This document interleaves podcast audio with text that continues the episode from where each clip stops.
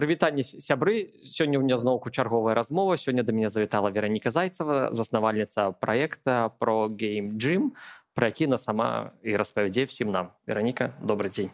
Добрый дзень Яўген вялікі дзякуй за а, за тое што я тут у мне вельмі прыемна бачыць вас зноўку і а, вельмі цікава паразмаўляць з вами пра гэтую тэму ну давайте пачнем з таго як у вас э, прыйшла ідэя вашего проекта uh -huh. калі вы ўвогуле сутыкнуліся можем з гульнямі гейміфікацыю бізнес-адукацыі з чаго нарадзілася да чаго вы прыйшлі так вот напрыканцы 2019 году а восенню у мяне адбылася двойная сустрэча з тым што можна назваць бізнес-гульні я працавала ў адным з праектаў з адной з аўтацэнтраў у беларусі у мінску мы працавалі у сервіс дызайне гэта адно з напраўкам дызайн мыслення для развіцця кліенцкага сервісу і вось мне мой кліент кажа вераніка а давай мы зробім нейкую гульню бо наших сервіс-кансультантаў якія звычайныя інжынеры і прымаюць машыны на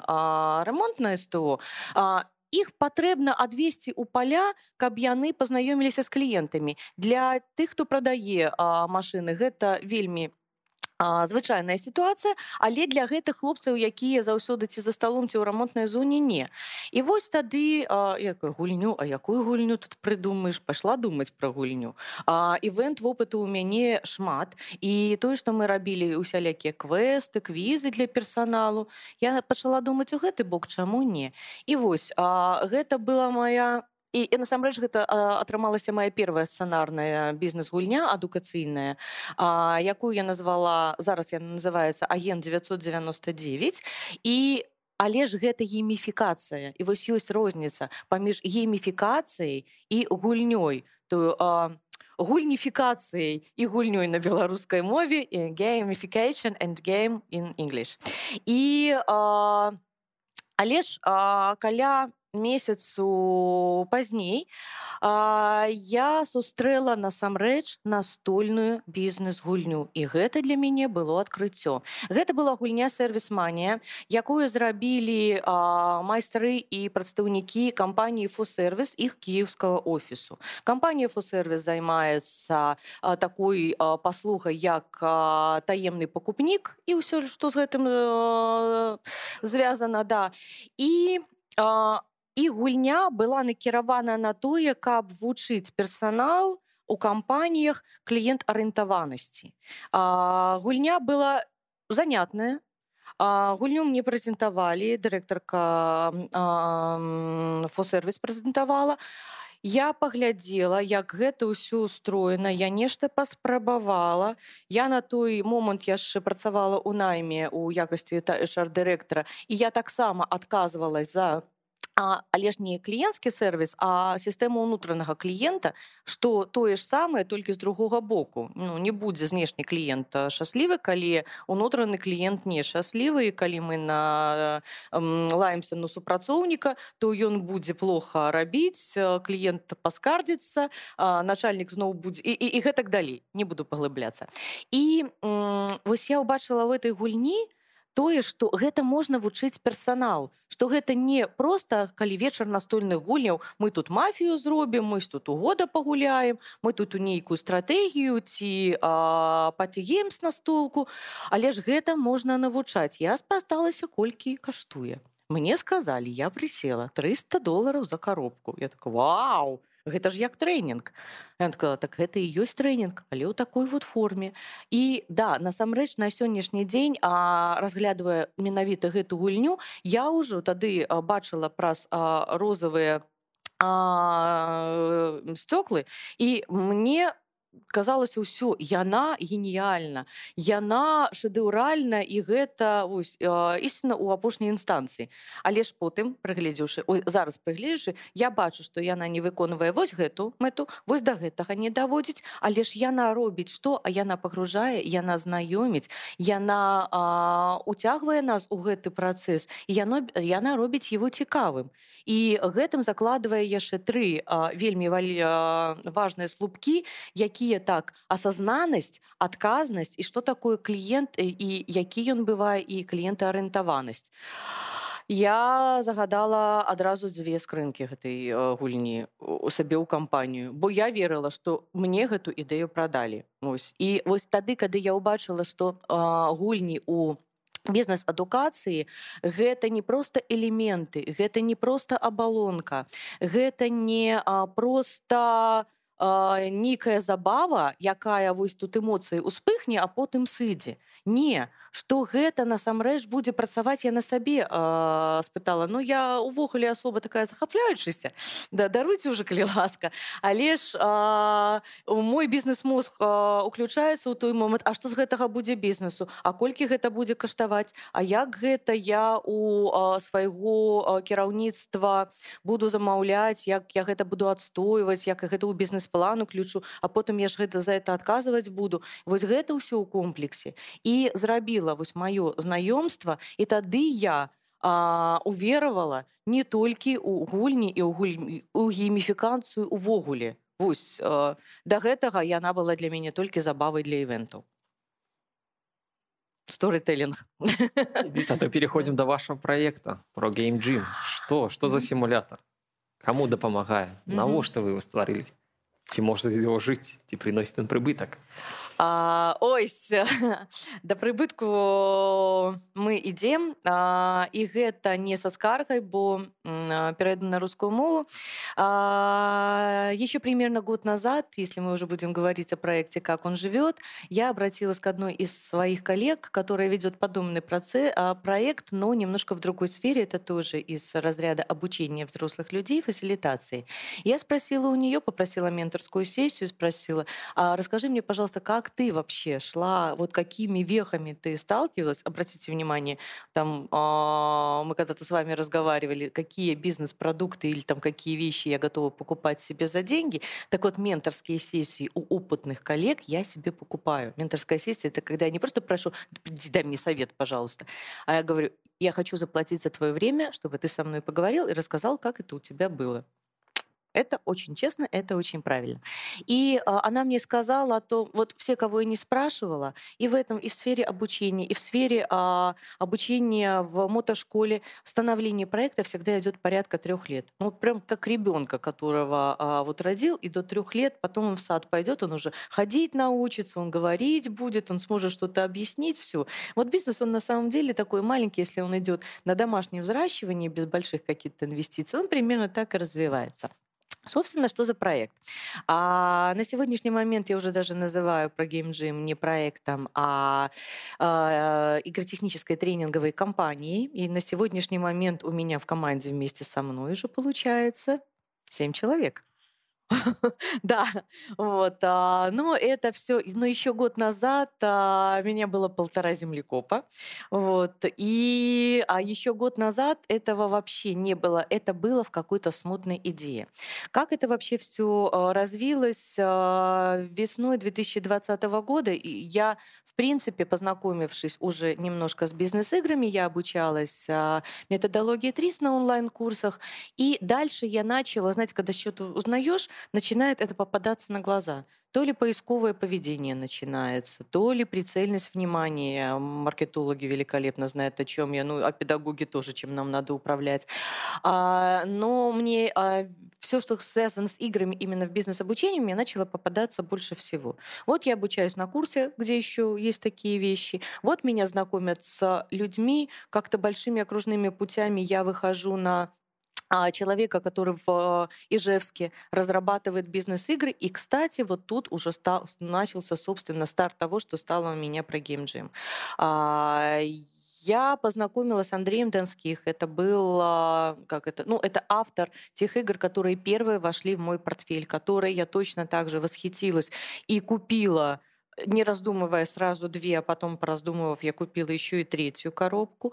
И почему про? Ну что, профессиональный, professional. Game, понятно, это игры, а gym — это в переводе с английского означает тренажерный зал. И вот вся концепция этого проекта, который я делаю в Беларуси, он в первую очередь закладывается именно это тренажерный зал на профессиональных играх. И, а, но именно для бизнеса. То есть, ну, понятно, что игры могут быть разные, вот. А это все пошло, собственно, с игр Андрея Донских, а, которые имеют форму именно, они так и называются, бизнес-тренажер. Все представляют себе, я очень люблю эту метафору про тренажер, поэтому взяла ее себе для, собственно, для названия проекта и для названия компании. Если мы играем в футбол, если мы ездим на мотоцикле, если мы ездим верхом, занимаемся парашютным спортом, а, причем в соревнованиях, а, это действо, правильно? Но к которому мы постоянно готовимся. Часть времени э, спортсмены проводят в играх, они причем стратегию должны продумывать, а тренер э, тактику тоже выстраивает, то есть стратегию, тактику, игроки это все на месте реализовывают, если мы, к примеру, берем футбол. Но где они проводят другое время. Они проводят в тренажерном зале, прокачивая определенные группы мышц. И это вот как раз то, что нам необходимо для развития soft skills, потому что это это долго, это требует постоянного подкрепления, причем в, желательно делать это сначала в каких-то искусственных условиях, но максимально приближенных, то есть фактически как тренажерный зал.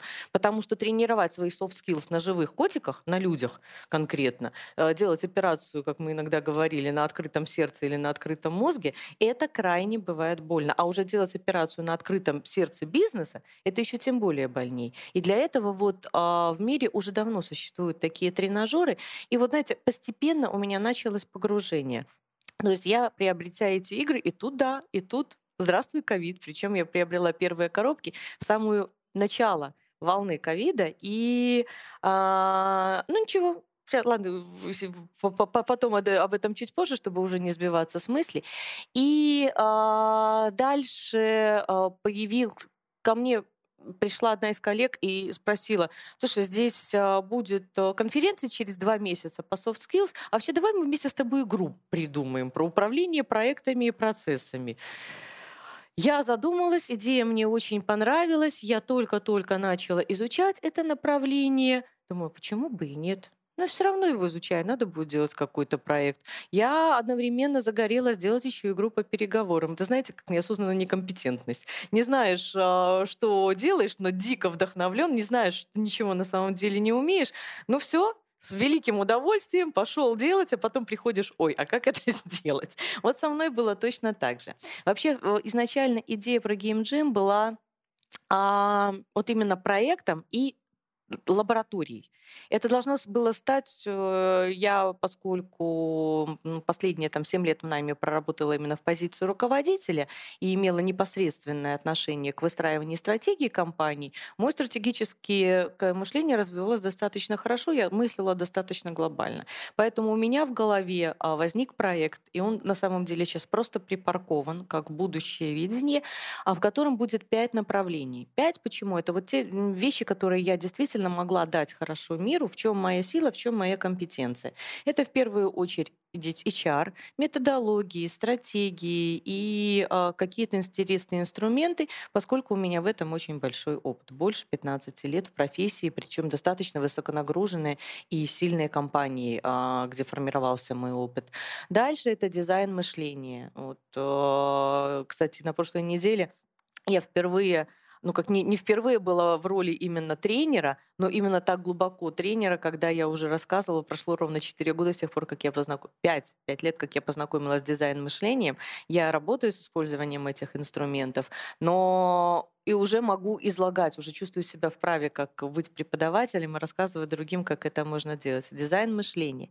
Дальше я познакомилась с методологией ТРИС. Это просто фееричный инструмент, правда, более такого технического, техногенного характера, правильнее сказать, но он переносится на бизнес. То есть я думаю, прекрасно, у меня будет HR, у меня будет дизайн мышления, у меня будет ТРИС, у меня будут в обязательном порядке, мне хотелось в этот же проект поставить что-то связанное с восполнением ресурсов человека, потому что ну, такие вещи, как медитации, ретриты, а, даже банально ароматерапия, они очень хорошо внедряются в западных и в американских, и в, я, а в японских практиках они вообще, к примеру, восточных, они существуют там, потому что это культура.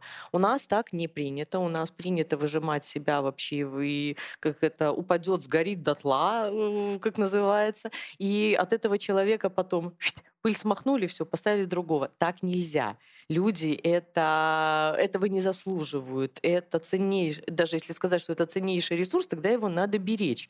Вот. Это вообще не, ну, недопустимо так. И не, главное, самое интересное, что недопустимо не только по отношению с другими, еще по отношению к самому себе. Мы можем других поберечь, себя загнать, как часто бывает с предпринимателями и гиперответственными руководителями. Поэтому мне хотелось добавить еще вот что-то, где люди будут учиться восстанавливать свой ресурс, на самом деле это тоже soft skills. И это управление личной эффективностью. Ну и пятым направлением должны были быть всего лишь игры. Вот. Но так получилось, что игры стали основным направлением. Все остальное, а, либо сейчас я еще думаю, либо оно ждет своего времени, либо же, ну, то время, пока я занимаюсь играми, все это развивается. Я в этих сферах уже только поддерживаю свой э, скилл, но не развиваю слишком интенсивно. Соответственно, насколько будет, ну, может быть, я буду больше интегратором на все эти вещи. Хотя я уже сейчас подтягиваю, если мне нужны коллеги из каких-то других э, сфер, вот, вот как вы делаете, да, я точно так же их приглашаю приглашаю, или если я понимаю, что ко мне приходит клиент, говорит, я хочу игру, а я смотрю, говорю, нет, ребята, вам нужна не игра, вам нужна фасилитация. Вот, пожалуйста, про facilitation к Юлии Сапожниковой, вот она у нас в этом мастер. Вот.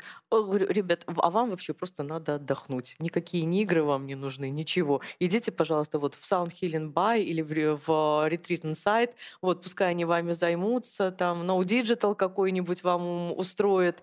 Вот, вот это вот то, что вам нужно. То есть вот мыслить на таком уровне.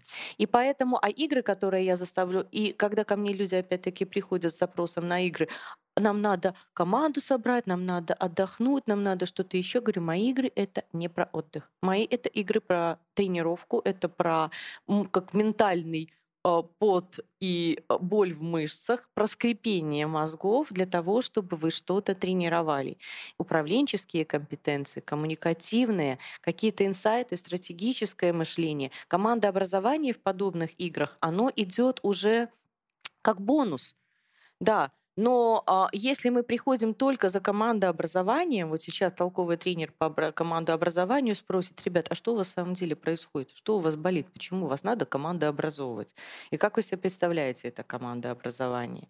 Вот, поэтому у меня на самом деле в проекте про Game Gym, а, кроме игр, еще присутствует, мы недавно добавили себе маленький хэштег «не игры», то есть там, где и про дизайн мышления, и про методологию ретиминг по, по сборке команд, она, предлаг... она может применяться для групп вообще разных, но только работающих вместе. В принципе, даже от 13-14 лет уже можно применять такую методологию. И ТРИС он есть в педагогике, и дизайн мышлению можно учить от мала до велика. То есть, ну, на самом деле это и Бизнес, потому что мы понимаем, где мы будем, а, где бизнес будет деньги зарабатывать. Вот. Э, и это вложение. Это то одно из обоснований, почему я не могу, к примеру, купить э, там игру стоимостью в 2000 долларов за коробку, ну, потому что это как тренинг стоит.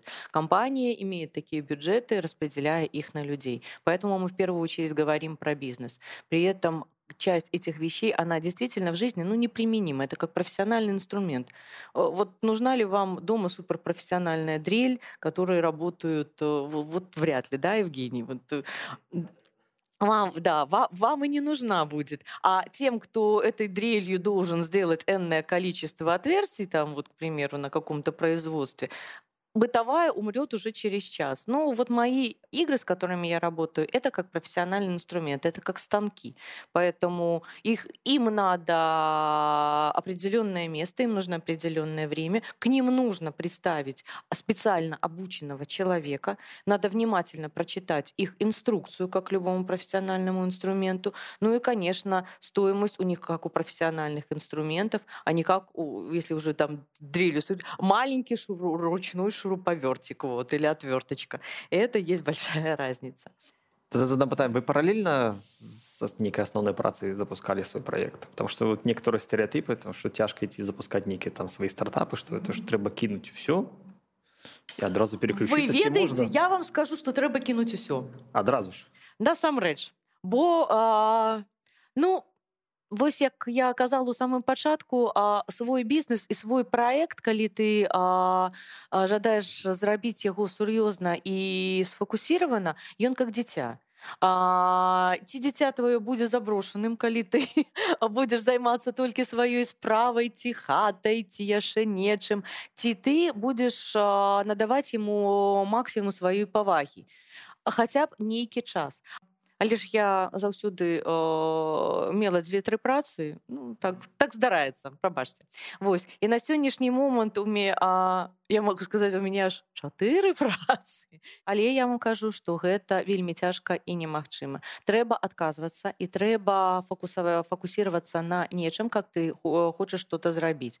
А, і калі я адгарняю одно і другое ці трэці только тады я могу заняться уласным бізнесам. І вось гэта тое что патрэбна рабіць на першых кроках тады ён будзе ісці арганічна а не будзе я ведаеце як за, за, за, за затрымкай развіцця не трэба у мяне на затрымкі развіцця на жаль зараз знаходзіцца гульня я ўжо год ею займаюся яна будзе выдатная яна будзе класная гэта карткавая гульня прысвечаная таксама тэме часу якую я вельмі люблю хранафагам я зрабіла вельмі цікавую легенду і сеттинг пра яе уже все персонажы намаляваныя уже мы ўжо зараз тэстуем геймплей. Гэта як мы як удзельнікі ўзаемадзейнічаюць у гульне якія механікі мы прымаем які крок першы які другі які трэці яна будзе добрая. Але ж я яе раблю по астатняму прынцыпу Вось ёсць час буду. Адна-дзве гадзіны ў месяц ну вот уявіце сабе дзіця якому удзяляюць адну-дзве гадзіны ў месяц тата нават калі так удзяляе прыматуленай любві ну дзіця не вельмі гарманічна развіваецца. Таму лепей ўсё ж такі толькі на сваём скантрацавацца і зрабіць. І вось здаецца двадцаты год калі я стартавала гэта ўсё. Я сама пытала себе А что ты робіш даражэнькая вось толькі зараз старт рабіць тады калі крызіс адзін змяніў другі двадцаты год увесь быў такі вельмі цяжкі 21 пайшоў далей 22 добавіў і але ж я ведаю стратэгічна што там дзе крызіс там два бакі але ж у бізнес-гульнях тут шмат менш менш поле і што датычыцца таго што я знайшла ў беларусі чаму я вырашыла што ў двадцатым годзе я вполне магу сабе пачынаць стартаваць але ж гэта ведаеце як было? Это было як ну такі латэральны глубокі перыяд ці то ці не то ну паспрабую не паспрадую я уже 21 годзе уже села і пачала распрацоўваць бізнес-план і а, думаць што гэты проект ужо патрэбенны стаць бізнесам і трэба запускаць і нстаграм і сайт зрабілі і фейсбуку у гэтым годзе зрабілі і як я гэта буду рабіць што я буду а, ці я сама буду ўсё калі я тогда буду індывідуальным прадпрыемнікам і сама буду гэта праводзіць але ж адзін у поле не воін я кіраўнік я да мяне звыкла ўжо працаваць з камандай мне каманды вельмі не хапала я пачала яе падцягваць да сябе і вось на сённяшні дзень я поняла што мяне у пяці местах быць не можа і таму а, і лепей я буду займацца распрацоўкамі гэта моя цікавасць гэта маё развіццё гэта моя сіла. А праводзіць гульні могуць тыя каму гэта таксама цікава і хто ў гэтым таксама добры. Я начала заклікаць да саве бізнес-трэнераў і вось на сённяшні момант у мяне чатыры трэнера стажора якія з розных сфер а один бізнес-трэнер другі бізнес-трэнер а трэця трэнерка по кліенцкаму сервісу чацвёртая бізнес-аналітыка якая вядзе праекты пайджайл фасілітуе групы і таксама ёй гэта цікава. Вось яны ў мяне навучаюцца. Я іх навучаю для сваіх патрэбнасцяў для того каб яны потым праводзілі гульні атрымоўвалі ад мяне якія-то гульні ў аренду і ішлі з імі далей Вось, а сама я мару аб тым часе калі я буду не не не не на гаіце сядзець з коктейлем стручкой калі я буду сядзець у добра ізаляванай прасторы мне нішто не будзе перашкаджаць займацца распрацоўкай а потым я буду ісці к людзям паказваць ім гэтыя распрацоўкі тэставаць іх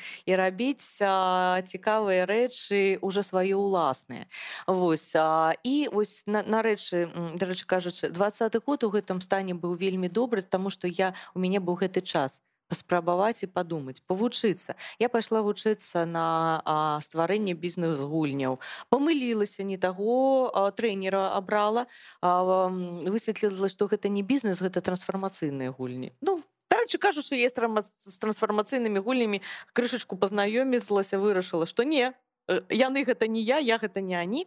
І пазнаёмілася з тым што ёсць на рынку беларусі что есть у России и что есть в Украине? Бо гэта бліжэйшая прастора у якой там і месца дзе мы размаўляем на адной мове і разумеем там адзін аднаго Окей я вызнала что ў Беларусі не зашмат адукацыйных гульняў.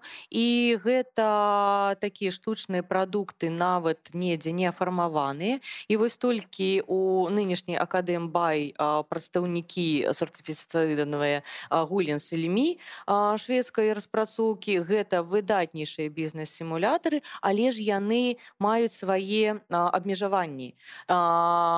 І дарэчы гэта абмежаванні не толькі па кошту. Яны столькі каштуюць яны прыносяць столькі кошту і вартасці бізнес бізнесу і сваім удзельнікам але ж яны вось толькі там гэта для топ-менеджераў гэта для стратэгаў гэта адзін раз у год у гэта пагуляць. А ў мяне гульні другія. Гэта таксама вось там не ведаю там как як на гару узабрацца на эверест аднойчы у год нават вопытныя альпіністы збіраюцца ці ў нейкую глубокую а, там яміну прыгаюць а гэта для гэтых гульняў патрэбна трэніроўка. Каб стаць тым топ-менеджерам ты ці трэніруешься на ўласным опыце і на уласнай кампаніі якую цябе даверылі ці твоя уласная ці ты робіш гэта ў трэнажорным зале? Вось я прапаную тое.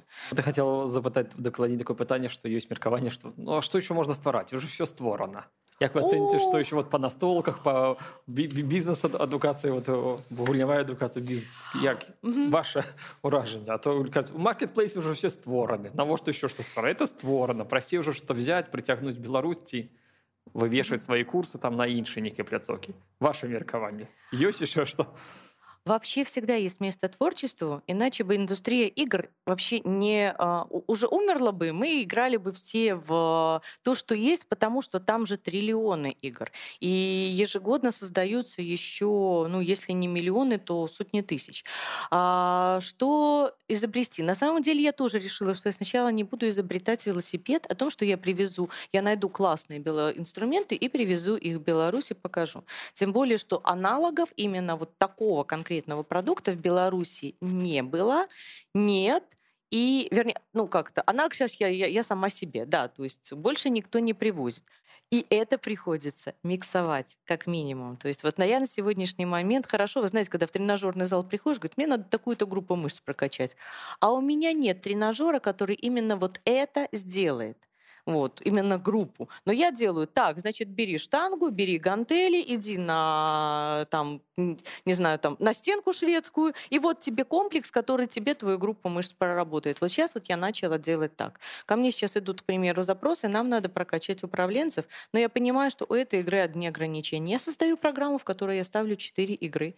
И это на самом деле я показываю при этом миру а, и своим коллегам, что будет, если вы приобретете эти четыре игры себе в компанию и будете постоянно пользоваться такой программой? Потому что ну, невозможно купить одну игру, и что она вас обучит всему. Да она и не обучит.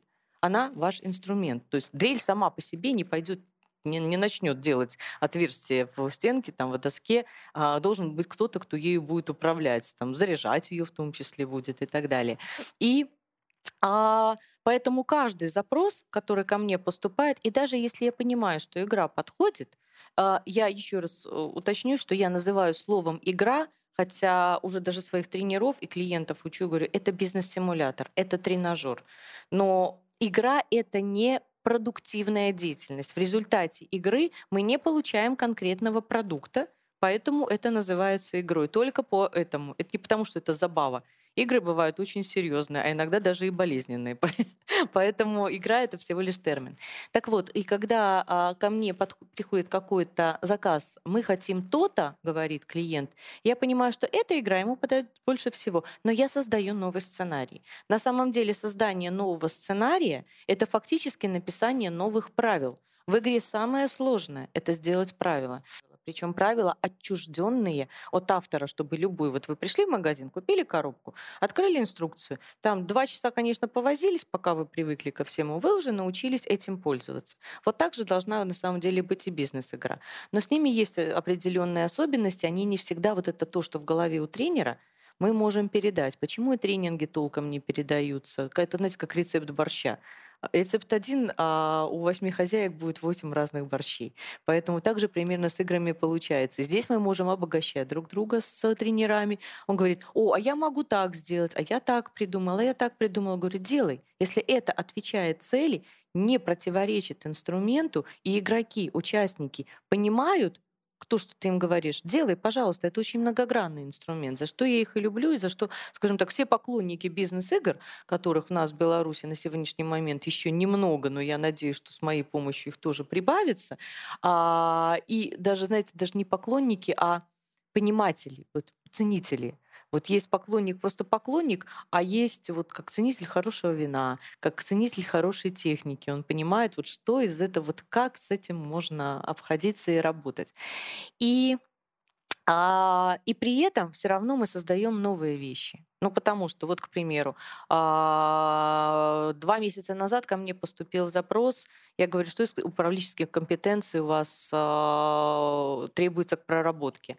Он говорит, Хуже всего с делегированием. Но потом, как выяснилось, что делегирование это вообще самая больная боль а у большинства э, руководителей, я сама знаю, я сама, более того, всегда всех учила, а потом, а, когда обзавелась собственным э, бизнесом, я поняла, что ой, вот теперь твоя очередь начинать учиться делегировать по-новому. И да, в чистом виде не было. Был какой-то кусочек, который не подходил для той цели, которую мне нужно было. Да еще на 100 человек, между прочим, мы группу просили сделать. Это вообще, это вот у меня в августе месяце просто рекорд за рекордом какие-то ставлю. И э, так родилась игра «8 цветов делегирования». Я сделала ее фактически за месяц.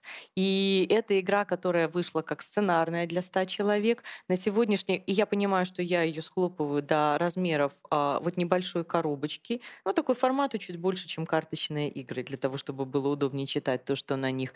И все говорят, да мы же знали эти семь уровней делегирования. Что так просто? Я говорю, самое простое то, что мы многие знаем, но вот сделать от идеи «хочу сделать» до делаю и доделал, наконец, вот это вот три шага. Или же, а вчера ко мне вообще прекрасный запрос прилетел. И вот я сижу и думаю, что делать? Нужно научить руководителей а, смеси там эмоциональный интеллект, обратная связь и не материальная мотивация людей и работа с командой фактически. То есть а, а, показать руководителям в игровой форме, что с сотрудниками можно достаточно, знаете, как ласковое слово и кошке приятно, что можно и с сотрудниками так вот, из там от собаки э, гневом ничего не добьешься, добьешься мягкостью. Мы так метафорами, конечно, с моим коллегой, который меня попросил про эту игру, мы посмеялись с ним, но я ушла, задумалась. И вот видите, это значит, что надо? Надо изобретать велосипед. Надо изобретать велосипед конкретно под этого клиента. И вот сейчас, конечно, можно а, либо дотачивать, ну как это, либо поворачивать инструменты имеющиеся, по, по максимуму стараясь, помо- стараясь помочь, чтобы человек, который пришел к тебе с запросом, если мне болит голова, мне надо, чтобы мне перестала болеть голова, а не рука, и не нога, которая, может быть, тоже чуть-чуть болят, но меня это не беспокоит. И э, это, опять-таки, говоря, тренд, и это тренд в, в обучении, который тоже сейчас вот присутствует именно в бизнес-обучении. Если раньше мы были достаточно вот, у нас есть программа, Нравится, приходите. Не нравится, ну, все равно придете, потому что вам надо где-то поучиться. То теперь мы каждое обучение мы настраиваем. То есть, по крайней мере, я могу сказать сама за себя о том, что я настраиваю все заказы и запросы от своих э, клиентов, которые поступают. И э, когда запросов поступает много, реализации пока нет. И вот это, ну как, не, не все идет реализацию, это тоже очень интересный феномен у нас с белорусским рынком, а, но я уже вижу, что лед тронулся как по весне, и он уже хорошо идет. Или же, когда ко мне приходит запрос в бизнес-школе, ко мне обращается директор, говорит, Раник, смотри, вот такой запрос, как его можно повернуть? И я вижу на примере своих коллег из бизнес-школы о том, что мы не стоим, вот у нас программа, приходите и берите все, что можете с нее взять. Вся программа если она не открытая, она дотачивается. Вот открытую программу доточить невозможно, потому что к нам приходят незнакомые люди, но они приходят как на спектакль. Вот индивидуальный спектакль, вот ну, на спектакль мы приходим на готовый и смотрим. Нравится, не нравится, зашло, не зашло, это уже наш выбор. А вот когда бы мы заказали индивидуальную постановку для себя, или же, к примеру, я один раз помню, я у себя, когда еще работала в найме, приглашала театр а, «Голова-нога», по-моему, они назывались, э, творческая группа, провести спектакль «Мова X». Я настолько впечатлилась тогда этим перформансом, что в, один, в День белорусской мовы в компанию пригласила этих ребят. Но я сразу э, сказала, вот я видела ваш спектакль, нужно откорректировать будет в нем. Пожалуйста, поговорила с режиссером, можете ли вы убрать вот это, это и это, потому что в данной аудитории а, оно будет воспринято негативно. Вот. Он сказал, не вопрос, вот только вот это чуть-чуть оставлю, потому что это моя режиссерская находка, отсутствие которой убьет всю идею. Я говорю, ну все, давайте искать компромисс. Даже спектакль смогли подтащить, подточить. И вот этот вот на самом деле тренд, а, который есть в образовании, быть гибкими, подстраиваться под клиента, он же нам дает бесконечные возможности творчества. Я пока подстраиваюсь, я могу пыхтеть, ну вот, опять надо делать что-то новое. А с другой стороны, вау, у меня сейчас родится новый продукт. Вот я стараюсь смотреть именно так вау, он будет новый, вау, он будет лучше. И если я знаю, а, как адепт дизайн мышления, что я а, помогла хотя бы одному человеку, то, скорее всего, потом за ним придут еще миллион. Ну ладно, это для предметов больше характерно, либо для какой-то услуги, не такой узкоспециализированной, как а, бизнес-обучение, но я знаю, что кому-то это еще откликнется, и продукт был создан не зря. И, кстати говоря, у одной из авторов, с которой я работаю, я, когда была у нее в гостях, я была просто поражена количеству продуктов, Можете себе представить дом, а, обычно шкафы заполнены чем? Одеждой, там, детскими игрушками, если дети есть, правильно? То есть какие-то вещи наши. Там в какой шкаф не загляни, а, там были игры. Там были компоненты для игр, там были поля, там были коробки, там были вот папки со сценариями. Я стала и сказала, а почему это никто не видит? Она говорит, потому что это индивидуальные разработки. И даже не то, что я не имею права их продавать, я даже не знаю, кому их предложить, настолько они индивидуальны. И они при этом были вот знаете, как индивидуальная машина.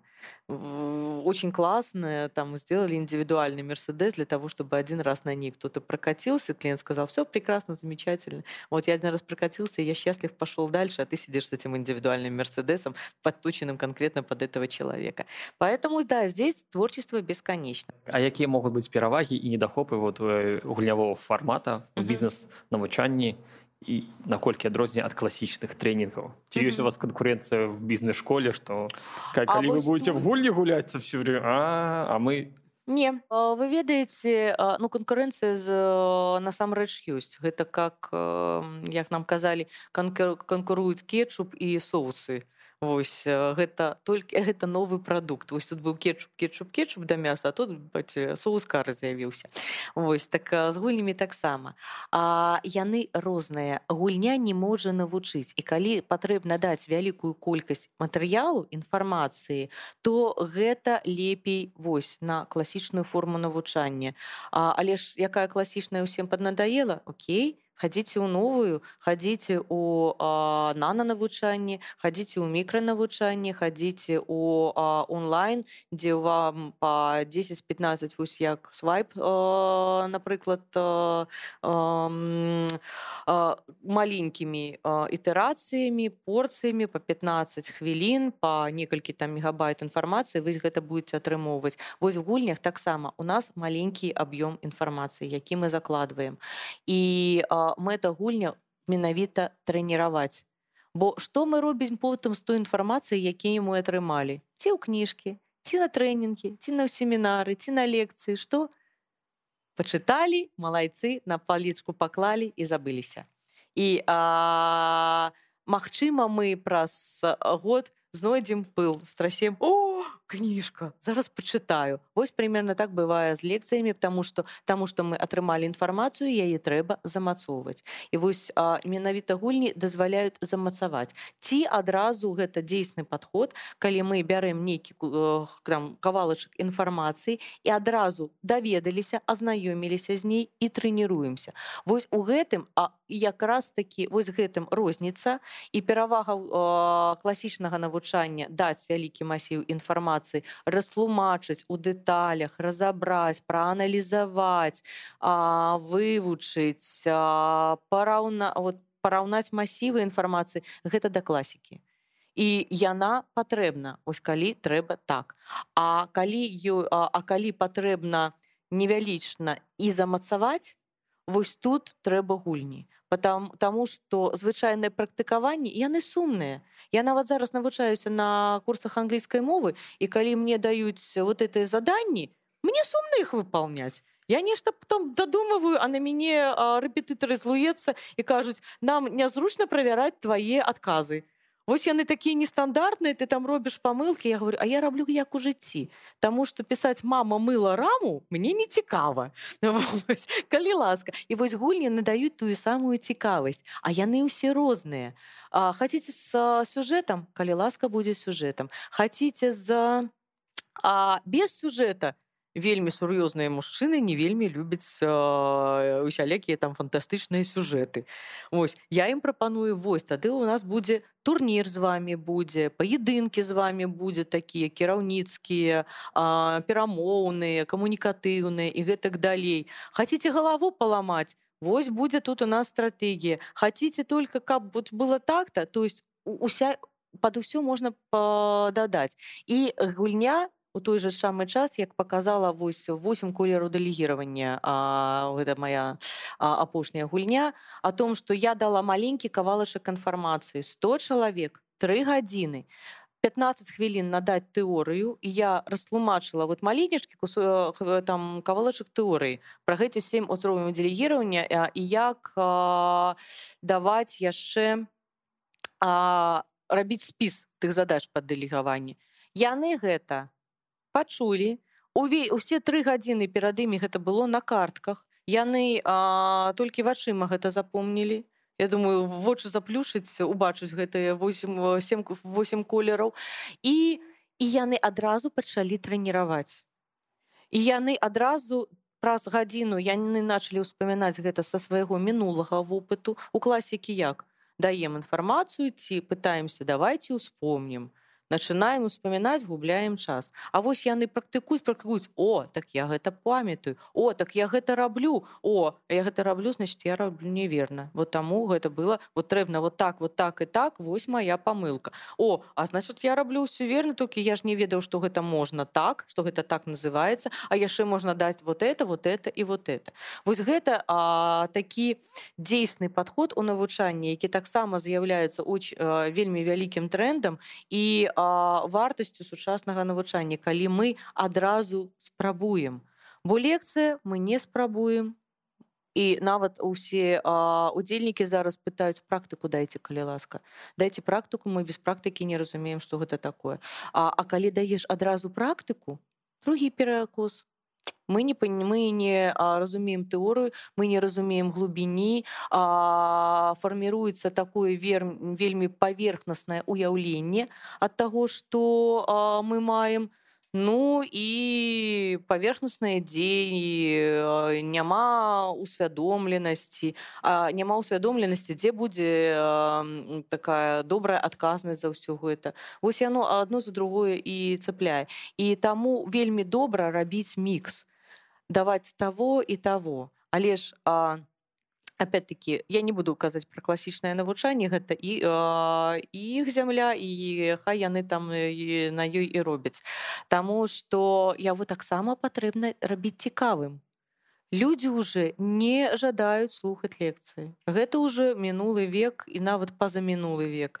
Ось уже трэбны нейкі інтэрактыў уже размаўляючая галава ну нікаму не патрэбна і ўсе сядзяць у сваіх смартфонах все сядзяць у не нечым чым тады класікі надо змяняцца і вось а, а тут уже гейміфікацыя з'яўляецца адным з трендаў які уплывае на класічную форму і дае і, і усяляка ўсё роўно прыводзіць у гэтасць тренд гейміфікацыя ці ну уже там давно был ці ну, цыклічна все ці просто адзін з фармата бо узгадваеш на на этом хакатонікі праводзілі было три проекта по гейміфікацыі два навучання матэматыкі праз гульню адзін навучанне хіміі узгадваю што мінімум двух настаўнікаў ведаю где-то по фейсбуку якія настолкі распрацоўвалі па сваіх прадметах як это як вы лічыце просто формат вы ведаеце А я кажуць добрае... заўжды было можа быть добрае... думаем тренд. Да а новое гэта добра забытае старое. А, але ж гэта яшчэ і тренд калі мы адчынім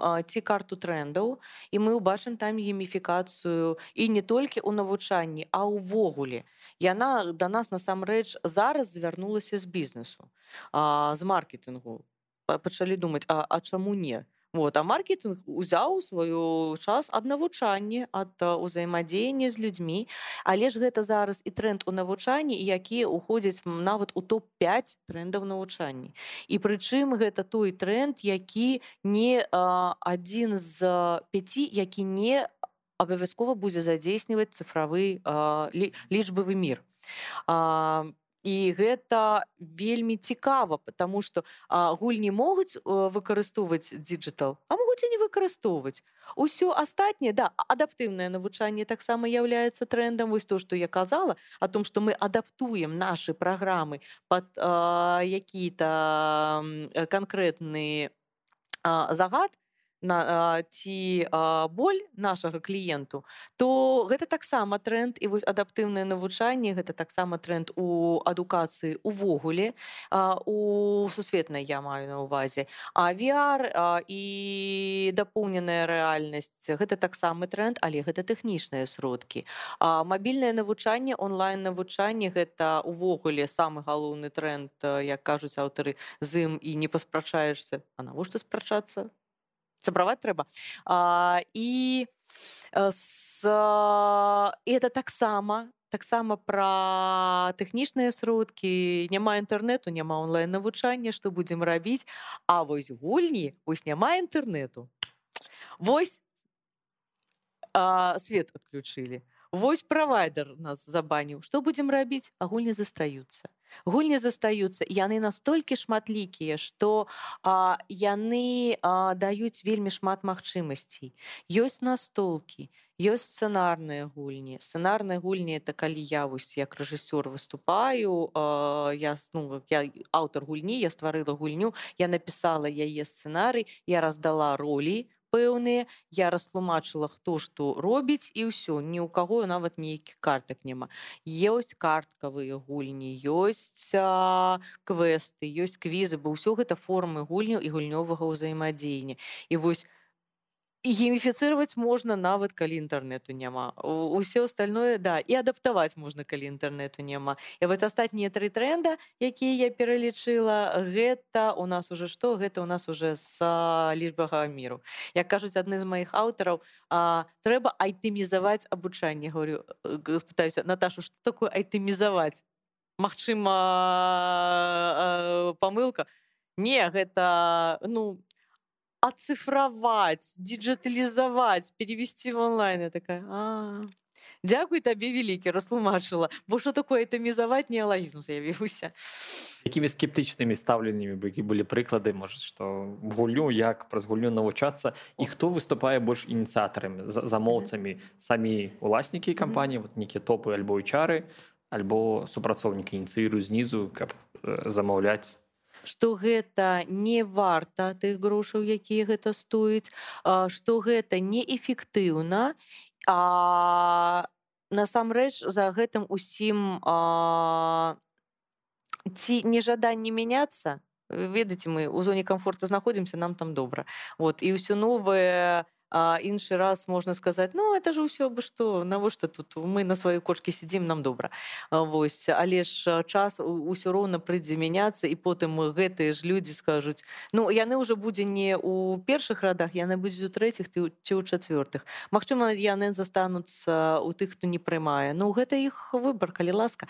І кожны выбірае сам па сабе А што бывае у з другога боку з непанімання таго што такое ёсць бізнес-гульні гэта ўспрымаецца как я нешта лёгкае і часцей усяго як чырвоная таблетка вось чырвоная таблетка гэта самае правастое параўнанне мы хацім гульню на 8 чалавек на две гадзіны каб яны навучыліся менеджерскай кампетэнцыі якой і што будзе для вас навучыцца Вось я я пачынаю задаваць пытанні і а, мой бяседніца Ой ну да яны ж не навучацца я говорю яны аб нечым даведаюцца яны паведуць нешта новае мы нешта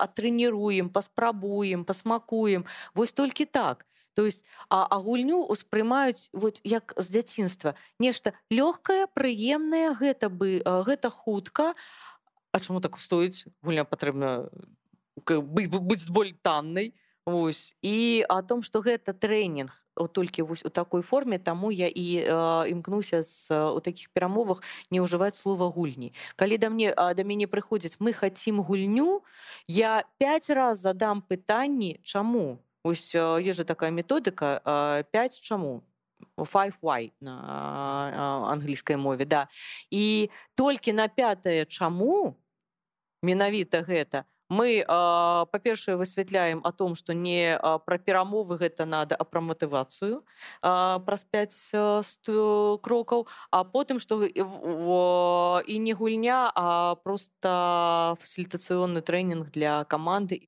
асабіста ў вялікіх кампаніях таких кансерватыўных як банкі як нешта яшчэ. То есть цікавасць ёсць нейкая А як это будзе працаваць? І вось гэта для знешняга рэферэнсу калі вось мы рэферэнсаў набярэм калі тры-чатыры кампаніі мясцовыя не тыя недзе там мясцовыя скажуць што гэта добра што мы з гэтым працавалі а унутры працавалі тады магчыма я на, на гэтае згаджуся. Бо калі нават а, рабіць у данным напрамку такія адкрытыя прэзентацыі ці выступаць на адкрытых канферэнцыях калі не самі удзельнікі за гэта а, плацяць ці а, гэты кошт незначны яны это ўспрымаюць таксама больш як забаву Вось я уже неаднойчы выступала на таких дылерскіх канферэнцыях куда э, і ў мінулым годзе і ў этом годзе у гэтым годзе і яшчэ мяне запрашаюць і я разумею что гэта моя таксама місія знаёміць рынок беларусі з правільнымі гульнямі з добрым якасцю Таму что калі ніша не будзе запоўнена добрымі прадуктамі набяжыць таго что недобрае і потым будзе цяжка адрозніць і, і, і так і ёсць насамрэч калі прыходзяць то што называюцца бізнес-гульнямі а гэта насамрэч трансфармацыйная гульня і дай бог калі яна будзе добрай і не і, і пра бізнес а не пра тую калі мы псіхатэрапію цягнем у бізнес-адносіны а потым здзіўляемся што ж такія вынікі странныя. Хто замаўляе часцей да. хто замаўляе да, хто, да, хто замаўляе часцей? Зверху? са замаўляе часцей першы запыт ідзе ад HR-аў Ну бо яны гэтага гэта іх зона адказнасці ў кампаніях.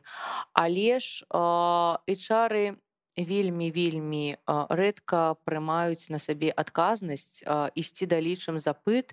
І вось я бачу што HR гэта цікава што ён бачыць гэтую вартасць што ён кажа вось гэта тое што трэба але ж потом он ён не заўсёды можа адстаяць гэтую думку перед сваім кіраўніком. Гэта цяжка по сабе ведаю. Я спачую шчыра маім калегам у такія моманты. Вось гэта трэба ўмець гэта таксама софтскіл вельмі цяжка выпрацоўваецца. Але ж а найбольш добра калі гэта не эчары а нейкія другія адказныя людзі.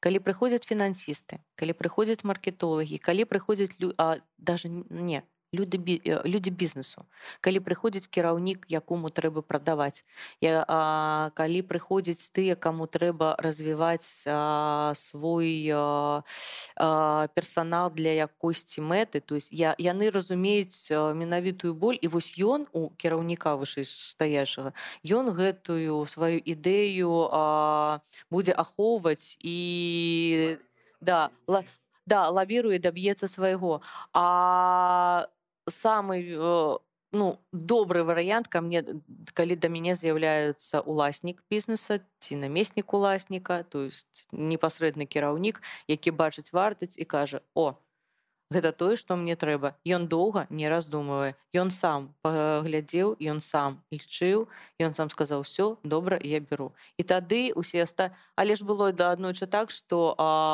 вось так кіраўнік прывёў да мяне а я чар сказала такая А гэта ты хао ў хату прывёў яшчэ некага ічара а я? Ты што і пачалося спаборніцтва сяброўства атрымалася але не вельмі лёгка было бо незразумела і чар хто ж я такая прыйшла і чаго я тут нешта пытаюсь зрабіць адрозненне класічна тренінга працягласць колькі можна угуляцца доўгага бесканечна і колькі чалавек можа прымаць удзел в одной гульне ці это подстроивается под кожным mm -hmm. А, вы знаете, я очень люблю одно сравнение, а, которое еще вот рассказывала уже нескольким знакомым, кажется, вам даже делилась, о том, что а, у, у игры есть два прекрасных сравнения. А, вот что общего у игры и автомобиля? К примеру. И а, у автомобиля а, как можно много увезти? Вот можем мы 15 пассажиров увезти в машине формата Volkswagen Polo, шеринговая машинка? Можем, но некомфортно.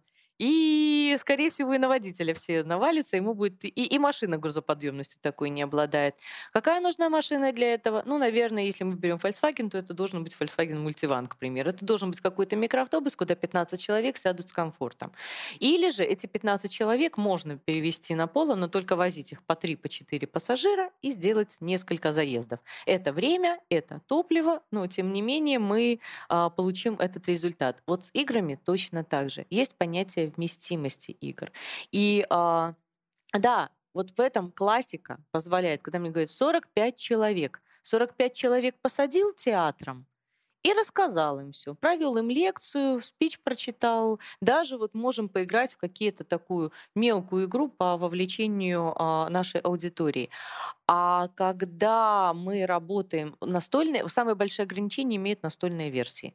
То есть если она рассчитана на 8 игроков, то максимум я могу, к примеру, поставить в нее 24 группы по три человека кратно восьми. Но мы понимаем, что на одного человека придется вот, вот не столько информации, а столько. Я даже хочу где-нибудь найти статистику, которая будет наглядно показывать а, всем моим участникам о том, сколько ты получаешь в индивидуальной работе, а сколько ты получаешь в, об, в общей работе именно вот в такой форме. Каждому достанется только маленькая крупица внимания тренера, и, соответственно, это будет больше направляющие. Есть игры, которые, вот, допустим, на 100 человек, которую я делала, у меня все равно считайте, что эта игра была на 10, просто мы посадили по 10, и, и в каждом кругу стоял свой модератор, который знал правила игры, который руководил игрой. И вот над 10 группами ходила я как центральный ведущий, который вел канву, а на месте вот такие вот ведущие каждой группы вели. И фактически поэтому игра может схлопнуться до 10 человек. А есть игры, которые идут без модера, ну как без таких вот модераторов промежуточных, назначаются ведущие просто из числа участников и играют там я видела игру даже на 200 человек на Московской Олимпиаде, игра в бизнес-игр, в, по-моему, ну, в 2019 году. Я смотрела видеозапись. И я говорю, а чему эта игра может научить? Я вот ходила в прострации и не могла найти на этот ответ, пока не познакомилась с тренером компании, которая как раз такие массовые игры проводит. Он сказал, говорит, так ты почитай про моделирующие игры. Это и есть игра моделирующая. Она моделирует целостный образ просто того, вот, знаете, как видение она моделирует, куда теперь можно посмотреть. Вот, посмотрите в эту сторону и вот познакомьтесь с этим, какие-то момент, ну, небольшие моменты моделирования взаимодействий, но совсем минимальные. Научиться там можно ничему. Вот. Или почти ничему не научиться, но узнать о том, что есть такая вещь, есть такая идея, есть такое направление, этим можно так вот работать, заложить какую-то мысль, положить маленькое количество информации, соответственно. А самая главная цель у этих игр что? Вдохновить людей. Да, эмоциональная а, наша привязанность будет гораздо быстро то есть эмоция, первичное уделение вообще длится 30 секунд. Вот, э, эмоция с послевкусиями продлится неделю. После этого грамотный руководитель или, не знаю, там тимлит или бизнес-тренер, либо кто-то будет, кто это вести, там назначенный какой-то лидер этого проекта, должен вести свою команду. Ну вот вы как в хакатоне. Идею придумали, а потом менторы должны и готовить людей, и вести, и дальше, дальше, дальше с ними продолжать для того, чтобы идеи жили, они умерли сразу сразу после хакатона. И а, точно так же есть с играми. Поэтому, когда у меня идет э, цель на проработку каких-то конкретных вещей, я сразу говорю, вот есть ограничение 8 человек, Хотите максимум эффективности, будем работать по 8. Хотите супер максимум эффективности, вообще 4 поставим. Тогда максимум всем будет. Но мы привыкли, э, ну это еще пока это, это привычка. Я понимаю, что это привычка сформированная, которая постепенно меняется. И если мы заглянем в IT-компании, то э, вот то, что как идут и процессы по итерациями по agile методологии, вот вообще по всему гибкому э, обучению, точно так же и обучение сейчас люди уже начинают дробить. Благо онлайн онлайн а, позволяет подробиться, но а, онлайн это вообще отдельная история, которая родилась в 2020 году, и даже если мы разбираем, есть такое понятие психогеография, игрового пространства. Очень интересная, кстати, штука. Вот совсем как это. Я всегда об этом знала, но не знала, что это так называется, что это так применяется. Вот в онлайне психогеография не работает. Точно так же там совершенно другие законы обучения. И а если мы организуем, к примеру, даже вот у меня есть игра, которая рассчитана на 6 а, человек посвящена а, внедрению изменений. Эту игру а, я буду скоро проводить на 24 человека. Ну, со всеми рисками заказчик сказал, окей, у меня больше нет возможности, мне надо 24 человека за 4 часа.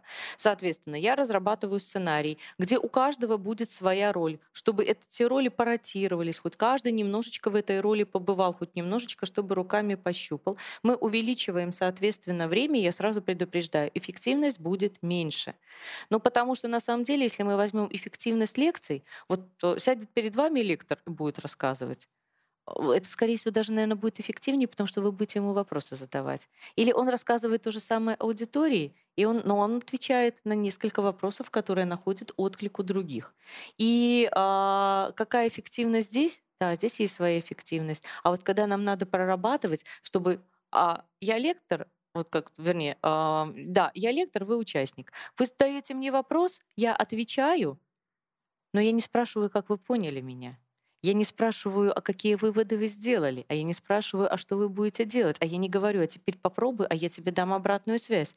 Это уже не лекция, это уже индивидуальная работа, либо работа индивидуальная тренера в группе небольшой. И вот чем меньше у нас будет участников, тем больше сможет задать э, тренер вопросов, и получить ответ и дать ему правильную обратную связь, как это направить. А чем меньше у нас будет участников, тем больше они смогут обменяться мнениями. Фасилитаторы называют это переопылиться.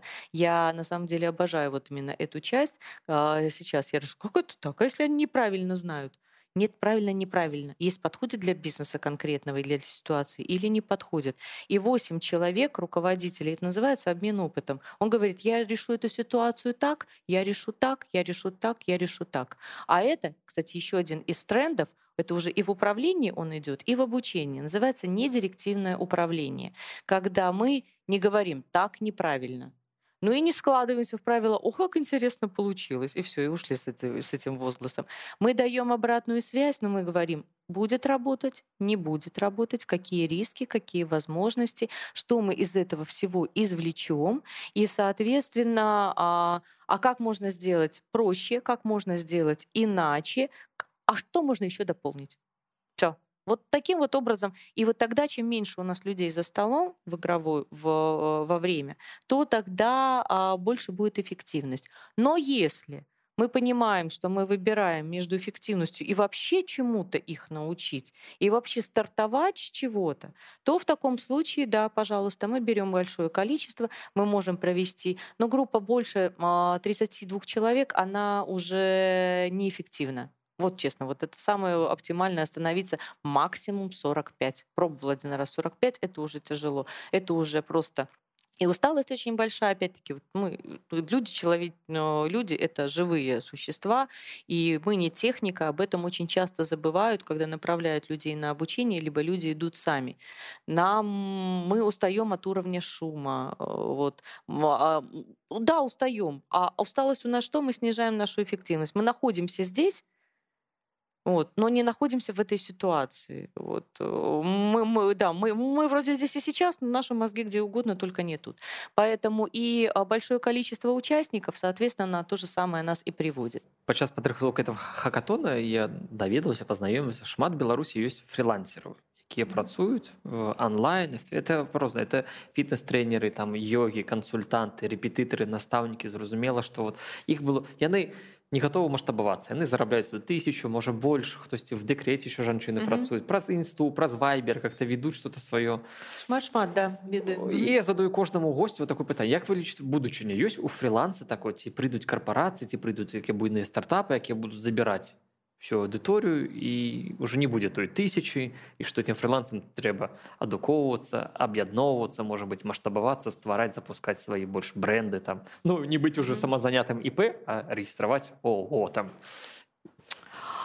просто ваше суб'ектыўнае меркаванне як оно можа быць колькі фриланс можа жыць Ведаеце мне цяжка гэта сказаць потому что як я сама казала раней я сама камандны ігрок і э, калі працаваць і вось насамрэч тыя нейкія фрылансеры ці такія зусім індывідуальна індывідуальныя прадпрыемнікі якіх я ведала яны ўсё роўна калі мы расцем калі мы а, хочам а, рабіць нешта большее то мы будзем расці і мы будзем прырастаць будзе падрастаць і наша ідэя і наш бізнес і мы самі і нашы каманды будуць у нас з'яўляцца Таму я адразу па сама па сябе пачула што я сама не хачу разам быць лепей чым аднаму і Таму што разам можна зрабіць больш і калі ты зусім фрылансер то вы ведаеце вот да ёсць такія якія я назірала што ён толькі сам па сабе але ж гэта вось так вот крышачку вось маленькая крышачка вось у мяне есть моя кампетэнцыя і я фрилансер я буду только у ёй А калі захочацца большага то ты ці павінны ісці вучыцца а потым ты вот як я абірай паміж адным і другім А калі хочацца ўсё то тады ты знойдзеш таго хто можа яшчэ А ты ж самыя фрылансеры да чаго вось у бізнес-адукацыі не у нашай краіне не ведала хаця ведаю што кожны аб гэтым марыць каб з'явіўся такі менеджер імпрэсарыо які будзе мяне прадаваць які займе на сабе ўсе весь гэты маркетинг усе гэтыя перамовы усе гэтыя пошукі кліентаў а я буду толькі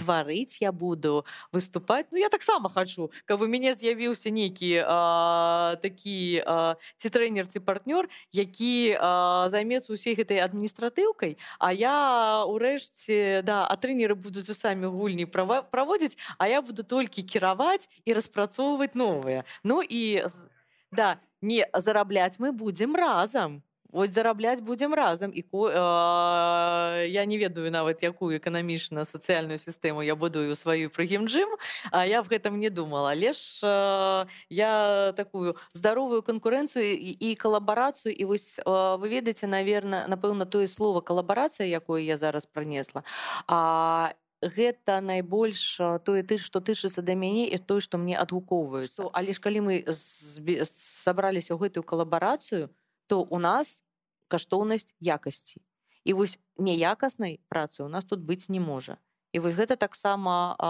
тое што ёсць казалось бы у карпорацыі але ж у калабарацыі гэта узаемна усвядомлена адказна. У карпорацыі гэта неяк вось праз сілу праз адміністратыўны ресурс не умееш навучым не хочаш заставім. А у калабарацыі гэта ад нас і мы гэта ўсе разумеем. І калі нехта вось гэта так это гэта ёсць каманднае ўзаемадзеянне калі мы не сябруем мы працуем для добрага выніку і мы атрымоўваем можна сказаць кайф ад таго што мы робім гэта добра але ж і мы пра пра геймджим нешта я забылася пра гэта яна таксама как як калабарацыя я яе бачыла і а, я а, у такім стане выступала ў датыкненні да аўтараў і чым я сутыкнулася вось ёсць у мяне аўтары якія яны вельмі індывідуальныя Вось а, два чалавекі которые працуюць толькі сам вот сам сабе і у, у іх ёсць памочнікі у аднаго ёсць памочніца пастаянная такая як сакратар а у другой ёсць памочнікі якіх яна кожны раз розных заклікае на правядзенне і э, вось как я заклікала мадэратару мне патрэбна 10 чалавек яны не ў мяне ў штаце і яны нават не маі э, навучэнцы э, э, па гульням э, я бросила заклік э, менавіта фрылансары да мяне прыйшлі мадэратары сталі мадэратарамі на гульне. І вось э, вяртаючыся да гэтых аўтараў гэта было вельмі цікава. Калі я іх запрашала да калабарацыі а давайте разам нешта зробім тут уже уключается конкуренция. Тут уже уключается страх про тое что а мои ідэі подглядзець увидеть маё ноу-хау увидеть як я гэта зраблю і да яго ён моих кліентаў пацягне вось гэта тое что дзеж атрымае вельмі часто фрылансераў і індывідуальных прадпрымальнікаў у сваёй гэтай маленькой капсуле. Мы боимся чым-то абмяняться А вось тут насамрэч нічога нового амаль няма Вось ёсць только тое гэта унікальнасць, якую мы нясем сваёй менавітай асобай. Вот ёсць а, десяткі спікераў, але ну, там прыкладна Разіслав Гандапас ён вось только такі. Вось ёсць десяткі, тых, хто навучае ездзе на матацыкле і толькі Змітрый Еўхіменко, заснавальнік контраварыйнай падрыхтоўцы ў нашай стране он ёсць унікальны Вось можна запісаць 100-500 раз як у гэта робіць любы з нас як мы там рэцэпты скрасці нашы сцэнарыі нават нашы скрынькі але ж так как я правяду гульню ніхто больш не правядзе таксама як вы праведзеце хакатон больш ніхто не правядзе калі вы ў гэтым майстар і вось калі майстры э, пераходзяць праз вось гэты бар'ер э, страху таго што гэта будзе скапіравана і нешта уцягнуна Вось тады пачынаецца калабарацыя калі мы не баімся да не трэба расказваць усе свае сакрэты нешта і для сабе можна пераберегчы на то і існуе паняцце камерцыйнай тайны але ж калі мы не баімся на гэтым сутыку ствараюцца э, насамрэч дзіўныя прадукты людзі убіраюць у сабе гэтыя страхі крыўды нейкія прэтэнзіі што не з'яўляецца канструктыўнай камунікацыяй вось тады з'яўляюцца калабарацыі і вось мае моя думка о том что менавіта за калабарацыяй добрая будучыня. Гэта гібка гэта адаптыўна гэта творча гэта без без прымушэння і гэта не на саміх сабе а не на кого-то там Вось.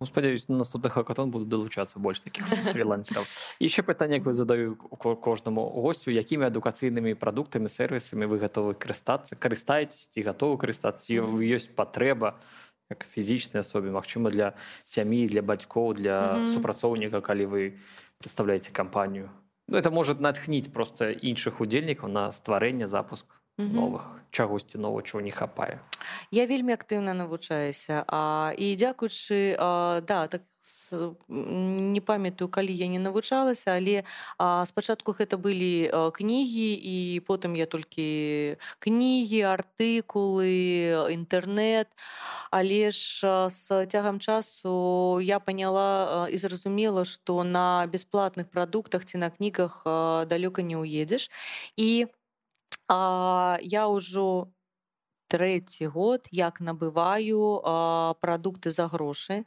А, я абіраю сабе, на жаль, у Беларусі я ніколі не магла знайсці таго добрага навучання якое мне было патрэбна ці было мне доступна то ці настолькі дорага што мне казалі ну гэта ж нам карпараты плацяць ну добра я неяк не магу столькі на тот момант было заплачваць за гэта а зараз што я для сабе набываю? Я набываю па-першае тое што я э, чым я карыстаюся што мне патрэбна.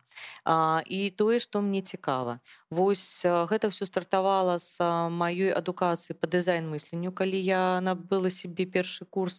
Потым быў тот самы трыс потым навучанне гульням потом ізноўку трыс і гэта ўсё і на ну ведаеце як мы покупаем онлайн курсы англійскай мовы. І прычым не тыя курсы на і на якія мы збіраемся там два-тры разы у тыдні і прыходзіць група і мы слухаем вы выконваем то есть ну класічная форма толькі ў онлайн фармаце не я набываю я вельмі полюбіла вось тое что называюць моз гэта мабільная і онлайн навучанне калі у меня ёсць на платформе свой асабісты кабінет вось гэтая праграма ёсць. Я працую у асінхронным рэжыме то есть вось група стартавала у нас 10 ліпеня напрыклад. Але ж гэта стартаваў поток кожны ідзе ў сваім тэмпе я вельмі люблю што вось у нас ідзе там ну тыдзень раз два три чатыры дні я гэты тыдзень магу расцяг улажыць ці ў адзін дзень ці расцягнуць на месяц. Вось у нас ёсць нейкі тэрмін чатыры месяца як заўжды. Яшчэ даецца можа быть ме месяц там другі які-то бонусны. І вось у гэты тэрмін трэба укласціся прайці. І там ёсць відео відэа урокі відэа лекцыі як калі яны патрэбна. Ёсць практыкаванні ёсць домашнія заданні якія правяраюць куратары калі ты выпкаў на удрэнна. Ну гэта залежыць ад пакета. Калі ты набываешь самы танны пакет то гэта будзе самыя танныя і а, выхлоп як кажуць гэта будзе только відэа плюс pdf прэзентацыя пачытаць выканаць заданні і без адваротнай сувязі ну так сабе навучанне я заўсёды цяпер вы абіраю сябе пакеты из кошту там золото платяна як их называюць там дзе абавязкова будзе проверка домашніх заданняў і адваротная сувязь ад куратараў і ментараў ёсць яшчэ і гіперпакеты дзе ёсць ішо шмат індывідуа індывідуальных заняткаў і пры гэтым я их уже не абіраю тому что я разумею что вось у гэтай тэме я пакапаюся самастойна Вось тут мне будзе дастаткова гэтай тэхнічнай і э, такой куратарскай падтрымки на тое каб я а, даведалася з проектом все что мне трэба А калі мне будзе патрэбна я всегда запытываюся індывідуальныя заняткі сколько будуць стоіць і як іх можна будзе атрымаць і вось таким вось чынам у мяне на сённяшні момант я праходжу тры курса как праходжу один праходжу два на паузе стаяць а один да і сервіс дазваляе паузы паставіць але ж паузы там просто нейкі момант пачынаюць быць платнымі і гэта вельмі добра матывуе Ну вось я просто па прыярытэтам іду зараз я скончываю навучанне граматыка англійскага языка а далей у меня яшчэ курс по асабістай эфектыўнасці Ну ён такі больш асабісты ён не для бізнесу і таксама у мяне на паузе стаіць яшчэ метадолог адукацыйных праграм там і менавіта на новым узроўні бо я сама педагог у сваёй адукацыі я ведаю что такое метадалогія я методыкі правядзення розных заняткаў калісьці ведала знаю але ж гэта ўжо мінулы век.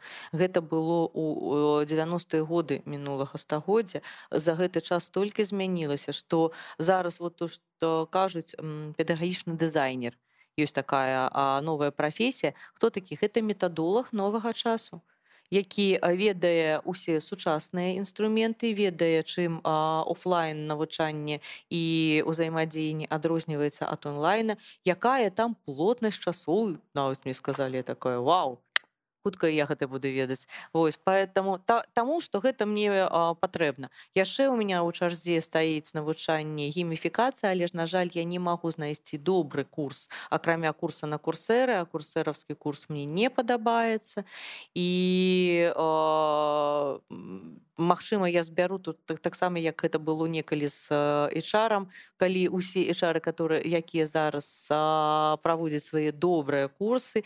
Мы самавучкі якія цягнулі гэта недзе по крупіначцы по крупіначцы і рабілі свае собственныя веды свою собственную кампетэнцыю свой собственны свой уласны досвед. І по тым гэтым зараз мы можам дзяліцца вось насамрэч все курсы так і ствараюцца Мачыма я буду той хто зробіць курс па, па гіміфікацыі а можа і не.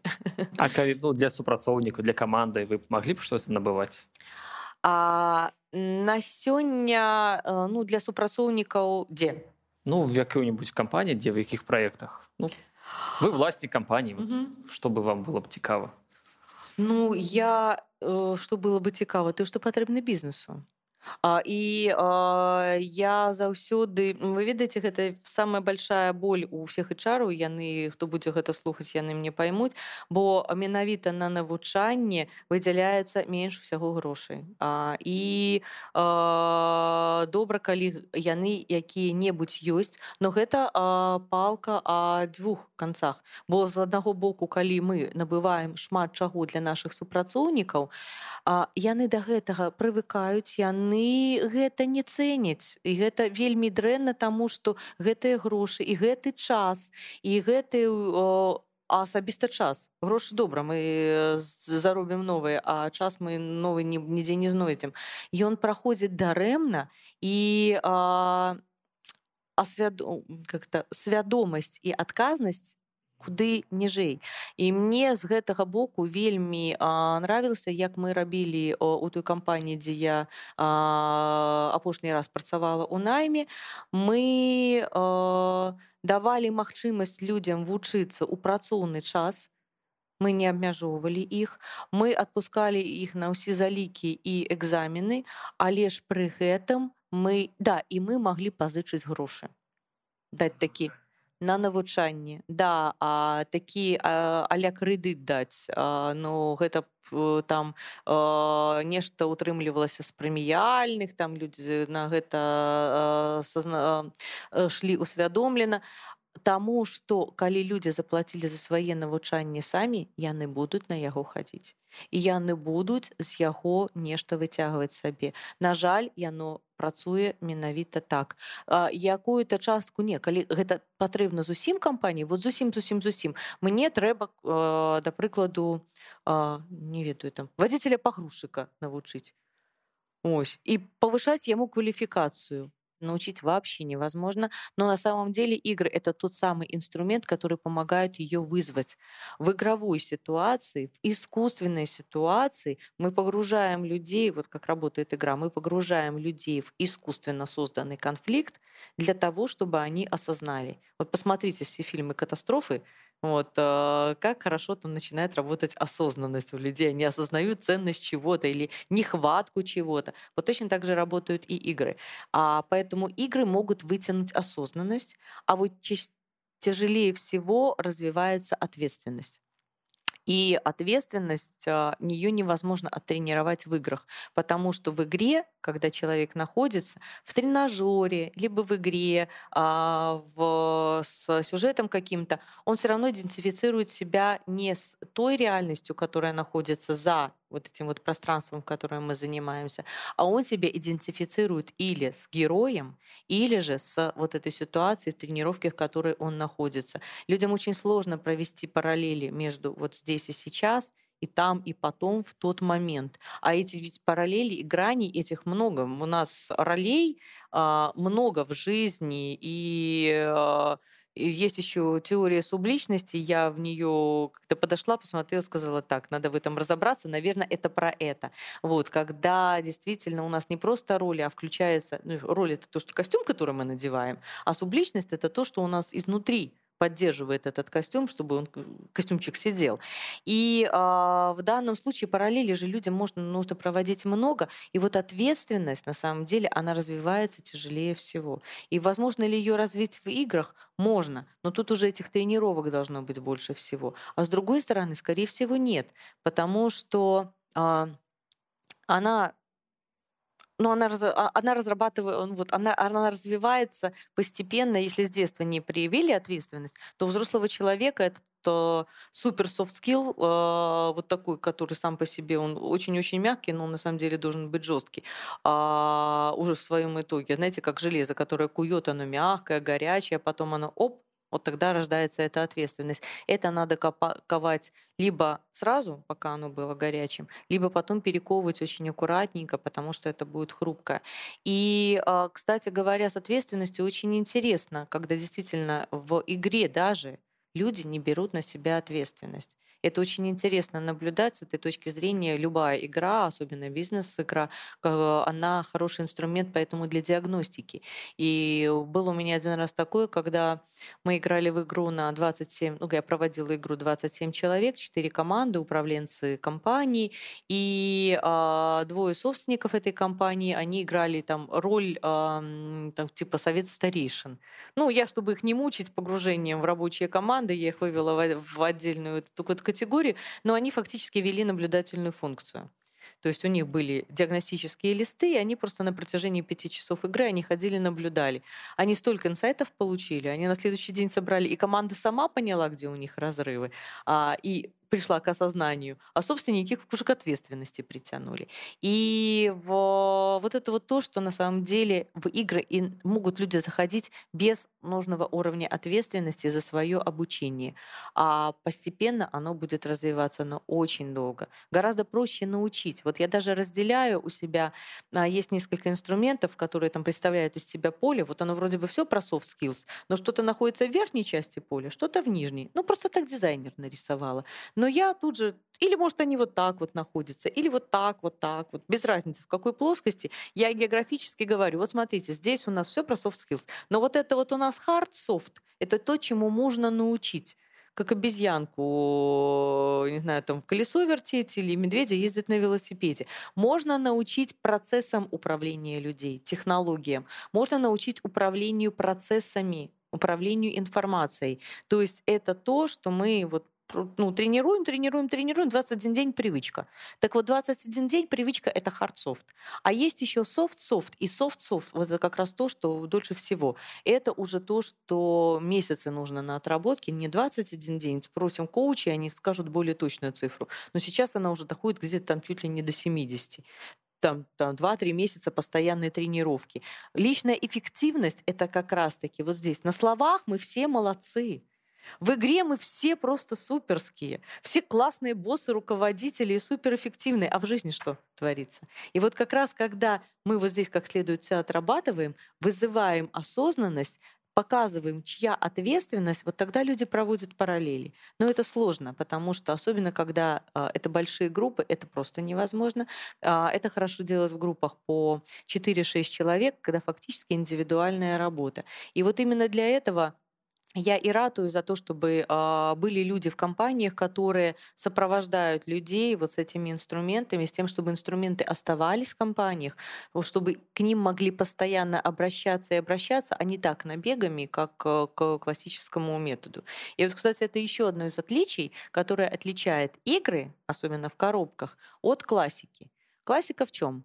Мы пригласили лектора или отправили людей на обучение, и это одномоментное какое-то решение. Вот тренер пришел, ушел, рабочие тетради в лучшем случае остались, и все. И на этом все забылось. А, и это стоило, к примеру, ну там, не знаю, там 3000 белорусских рублей. А, да, буду сразу такие цифры приводить. Ладно, пускай две будет стоить. 2000 белорусских рублей стоил тренинг. Нормальная подъемная сумма. И вот, или мы покупаем коробку за 2000 белорусских рублей. В поставки коробки входит еще обучение человека, который будет это в компании вести, и ряд консультаций там еще на поддержку. А, и эта коробка остается всегда. Ей можно пользоваться всегда. Лектора к себе в штат не возьмешь, он не нужен. А вот фактически выкуп, да, а деньги те же самые. Но вот коробка лежит, Пришли новые сотрудники. Сотрудники ведь меняются. Пришли новые, обучили новых. Э, действующие подзабыли, обучили э, еще раз, возобновили, повторили, нашли что-то новое у себя в игре. Каждый раз, когда я провожу обучение по игре, вот я вчера проводила своим тренерам обучение, и а, я уже эту игру знаю уже как облупленную, вдоль и поперек. Вот. Но и два человека ее знают, но они слушают, говорят, ты этот раз совсем новые вещи рассказываешь. Я говорю, что я говорю, вот тут грани новые открыла. И вот так вот инструменты себя и э, развивают, и этим они от классики и отличаются. То, что там, да, там есть живой лектор, он тоже вариативен, и если он не читает бу-бу-бу по бумажке, а ведет очень интересно, но все равно придерживается канвы, это раз. А во-вторых, он ушел, или мы пришли к нему и ушли от него. Игра остается. Вот это, это классно будет получаться. Кали правильно угу. казалі што дарослі такія ж як дзеці што можна падыходы аднолькава быць ці не Ну, Все я, любят играть. Я имела в виду в том, что когда, да, я помню, что как раз на вашей конференции, э, когда я первый раз э, у вас выступала, я говорила, что в этом отношении э, взрослые те же, но я сказала, но они не как дети, я сказала, те же дети. То есть на самом деле, когда мы а, снимаем с себя свое бремя забот, нам всем хочется отдыха, нам всем на самом деле хочется вернуться в то лучезарное прекрасное детство, когда нам было все хорошо, и поэтому Поэтому игры присутствуют. На самом деле, если мы возьмем нишу просто даже игр, зайдем в магазин, вот зайдите в магазин, тот же самый Hobby Games. Сколько там будет игр чисто для детей? Шкафчик. Сколько там будет игр для всей семьи? Еще один шкафчик. Сколько там будет игр для компаний? О, уже два шкафчика. Игры, в которые уже надо э, играть с детьми там где-то от 14 лет, от ну, там 13-14 и так далее. Но чаще всего это то, что уже играют компаниями. Что у нас там для совсем взрослых людей, которые могут себе позволить коллекционировать эти игры? Вот, отдельный шкаф брм, стоит. Вот на самом деле ниша игр для взрослых людей, она достаточно большая. И детям они не интересны, так они устроены по-другому. Точно так же и обучение. А короткий, ясный материал — нужен на самом деле и тем, и другим, когда мы говорим а, про обучение через игры. Но именно в том, что игра, она отвлекает, она э, увлека, вернее, отвлекает нас даже от насущных каких-то проблем и помогает забыть про них временно где-то оставить, если мы вовлеклись в игру, мы уже не думаем, мы на обучении сидим, так, еще вот это, вот это, вот это, схватил телефон, вот это, вот это. То есть вот обучение на самом деле менее эффективно сейчас становится, потому что мы живем одновременно. Я помню про свои проблемы, так, мне сейчас надо бежать, у меня сейчас будет клиент, а я там письмо не отправил, сидят мои сотрудники, к примеру, там подпрыгивают на каком-то обучении, тут что-то отвлекся, так сейчас быстренько отвечу в мессенджере, в мессенджере его унесло еще куда куда-нибудь дальше. Все, эффективности нет. В игре мы оставили телефон, и если мы вовлеклись, мы уже не хотим этих телефонов. Мы уже не хотим ничего, мы хотим здесь быть. То есть мы отвлекаемся. То есть в э, роли вообще игр очень большая — это мотивация и удержание внимания. У детей это примерно точно так же. У детей важно удержать внимание, потому что детское внимание такое, о, рассеивается. Взрослое в этом отношении тоже рассеивается. Только у каждого рассеется по-разному. Этим все интересно, а этим все нужно сделать и очень много обязательств. Даже не ответственности скажу, а обязательств, которые, вот, от которых зависит их жизнь. А, что еще может быть, вот если я так сейчас подумаю, в чем может быть общее? Эмоции. Эмоции мы все любим испытывать. И при этом, а, да, ну, дети более открыты в своих эмоциях, они радуются там с пустого места. Тут сложность, тут взрослых еще поди расшевели на эту эмоцию. Вызови у них эту радостную улыбку, это очень э, нужно. Но когда они уже расшевелились, чуть больше времени проходит, все, мы сидим, мы веселимся. И, кстати говоря, это одна из граней, когда развивается игротехник, игропрактик, автор игр, это ходить играть играть просто в игры в обязательном порядке. И вот я очень благодарна одной своей коллеге, которая организовала просто игровой такой клуб. Мы ходим в прокате, берем игры, и раз в там, неделю, в две недели взрослые люди после работы мы собираемся, мы играем в мафия-подобные игры, то есть это коммуникативные. Мы играем в стратегические какие-то, мы играем в какие-то ситуационные, ролевые игры. То есть мы, а, ну как, они там развлекаются, а я изучаю, как игры устроены. То есть это часть моего, кстати говоря, собственного обучения, очень интересный подход. И при этом, да, я наблюдаю этих взрослых, которые вот играют в игры. Но э, здесь э, и как они играют, и как они учатся через игры, это разное. И да, взрослые, конечно, сразу, если не приходят на обучение, ну, мы же пришли учиться. Или второй, ну, где у нас игра, и мы ждем мафию, покер, что угодно, но только не обучение вот в такой игровой форме. То есть здесь есть а, либо поверхностное а, отношение, либо очень глубокое отношение. Но при этом, а, когда мы вовлекаемся в игру, все, мы находимся уже в этом мире, вот мы любим играть на самом деле. И не зря же Бэр написал о том, что игры, в которые играют люди, люди, которые играют в игры. Вот игры у нас игры, игра за игрой, а, только там игра с а, большей ответственностью, с большими последствиями, а кто-то вообще идет по жизни играющий. Поэтому я и сказала, что взрослые, они как дети. И а, некоторые даже начинают жить как будто в игре, иначе бы не было на самом деле бы игрозависимости бы не было, не погружались бы люди люди настолько не тратили бы... Это, минуточку, это еще только про настолки говорила, да? А сейчас вспомним. Компьютерный мир, мир а, видеоигр — это отдельный мир. А есть же еще, которые не играют ни в одно, ни во второе, ни в третье, но хлебом не корми, дай побегать по лесам на всяких реконструкциях, а, и, и от исторических до фэнтезийных. То есть мы реально живем... Это очень большая составляющая нашего мира. И отказываться от нее, она нужна и важна. И более даже если а многие, кто начинают работать с играми, они не могут не прочитать, как развивались игры, и про организационно деятельностные, так называемые ОДИ, сокращенные. А в 50-е годы еще в Советском Союзе их создавали, и они сейчас именно ОДИ создаются в военизированных структурах для обучения. То есть они достаточно жесткие, они с жесткими правилами, знаете, какого рода? Как-то слабое звено. Вот. Вот это вот такой маленький прототип ОДИ, как это может быть. То есть ты слабак, давай выходи отсюда. Вот. И есть и на эти игры есть и э, потенциал, есть и любители. Поэтому, ну, конечно же, есть большая разница в обучении э, детей молодых людей, э, взрослых молодых, э, взрослых взрослых, пожилых взрослых. Вот. И э, я э, понимаю, с какой аудиторией я работаю и как надо учитывать. Если я сегодня иду к подросткам, у меня было вот несколько там сессий с подростками,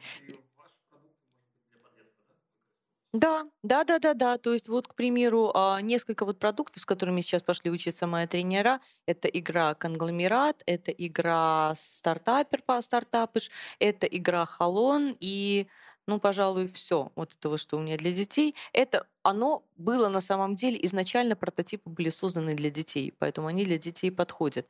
И но другая аудитория. Вот я провожу, к примеру, э, стартапыш. Это игра, она, ну, аналог такая, знаете, хакатона какого-то, стартап-хаба, где можно взять свою идею, проработать, как следует ее проработать. Там и коучинговые инструменты, там есть и маркетинговая оболочка, там можно прийти к бизнес-плану. Так вот, взрослые мы, когда в нее сидим, мы в нее или погружаемся, если мы а, прорабатываем реальную идею в игровой оболочке, она нам это помогает сделать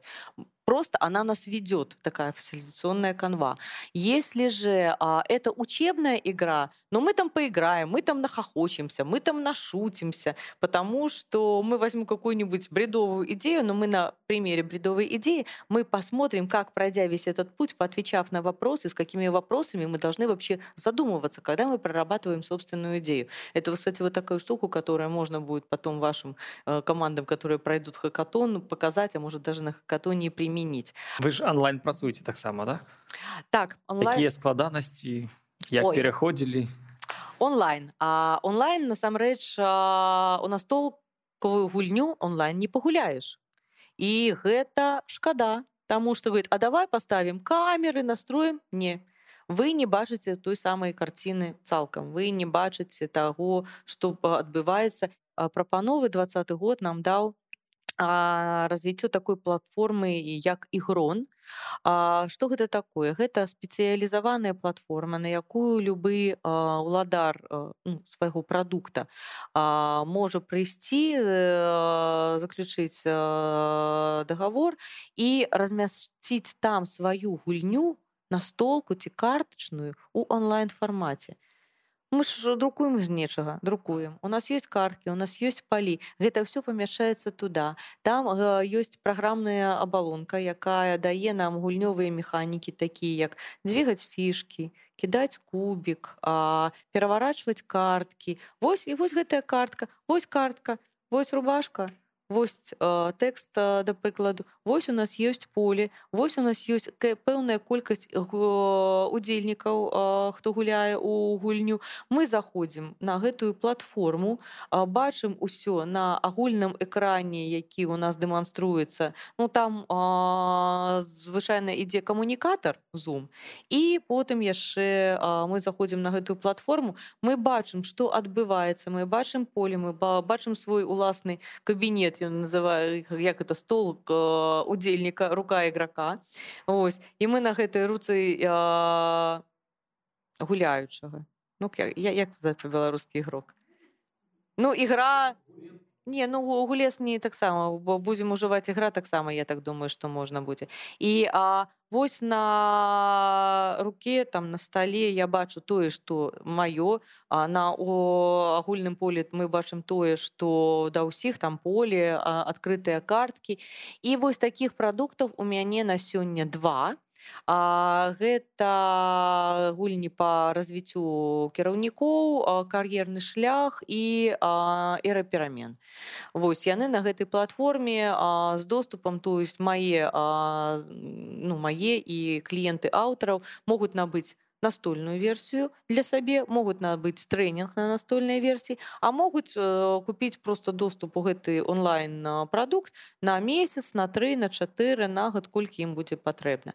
Ёсць тут правда абмежаванне напрыклад у мяне одна кампанія хацела купіць но іх сістэмы інфармацыйнай бяспекі з усімі гэтымі антысерверамі і так далее яна забараняе такія нейкія знешнія серверы і не дае магчымасць ці з працоўных месцаў ці нават знаходзішся у ось у пэўнай тэрыторыі карыстацца гэтым. Таму яны набываюць у мяне менавіта настольную версію. А тыя хто насупраць у разрозненых камандах па розных гарадах тык тым і добра бо яны з розных гарадоў адначасова падключыліся за імі трэнер пазаймаўся і яны ўжо скончылі ну как то яны прайшлі вось гэтую навучанне і потым збіраюцца зноўку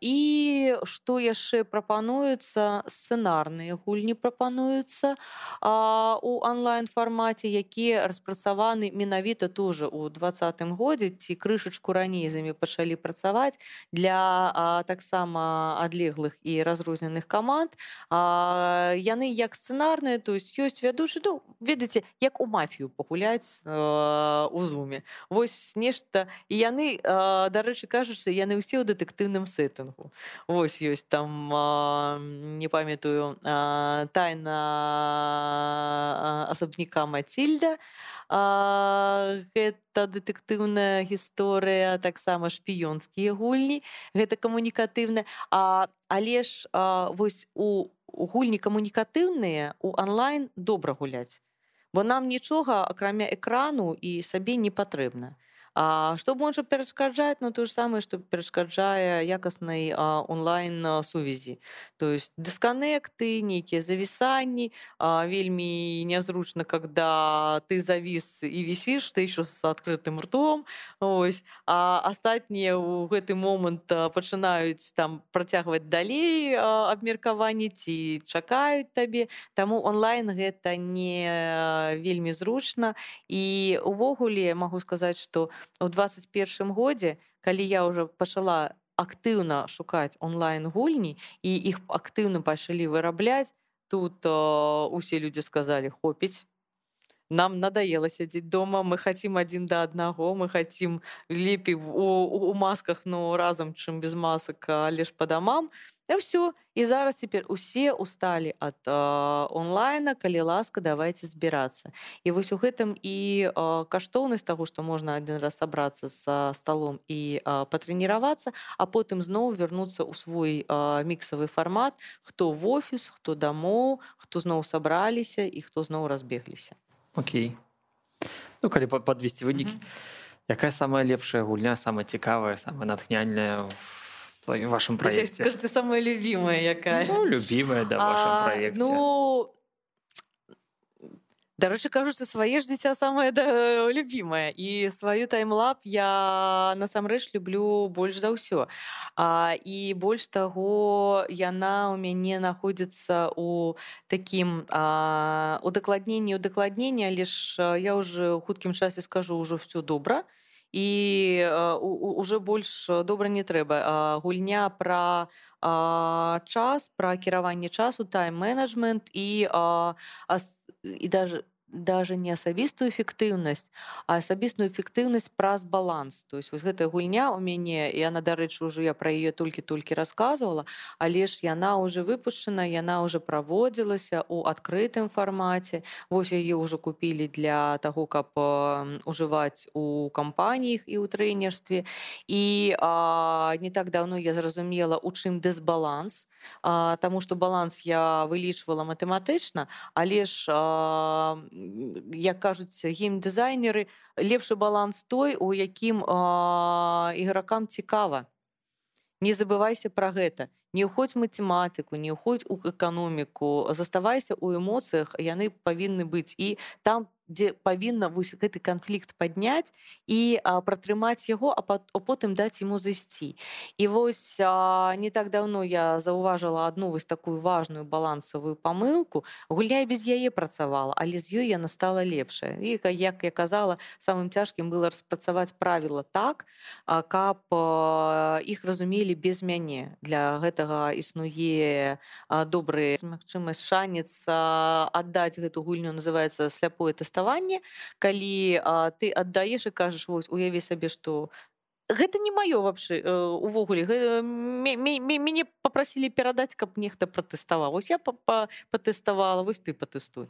ці калі чалавек ведае што гэта моя я говорю уяві сабе што ты прыйшла ў магазин купила гэтую э, скрынку з палічкі і вось і ідзе разбірай як ты справішся з гэтымі правіламі і дарэчы кажучы у шмат якіх настольных гульняў звычайных якія мы покупаем мы открываем правила. Что гэта такое? А як у гэта гуляць? А хто гэта прыдумаў? А дрэнна ўсё. Восьось я імкнулася гэтага пазбегчы і таму прапрацоўку правіл я зрабіла уже вельмі добра гульня готовая але ж я магу сказаць так у маім портфелі няма тых гульняў якія мне не падабаюцца самой. Гэта по закону у А, нават по закону продажу я не магу э, расказваць з захапленнем і вучыць другіх на нейкім там інструменце ці прыладзе, якую я сама не люблю і не ведаю.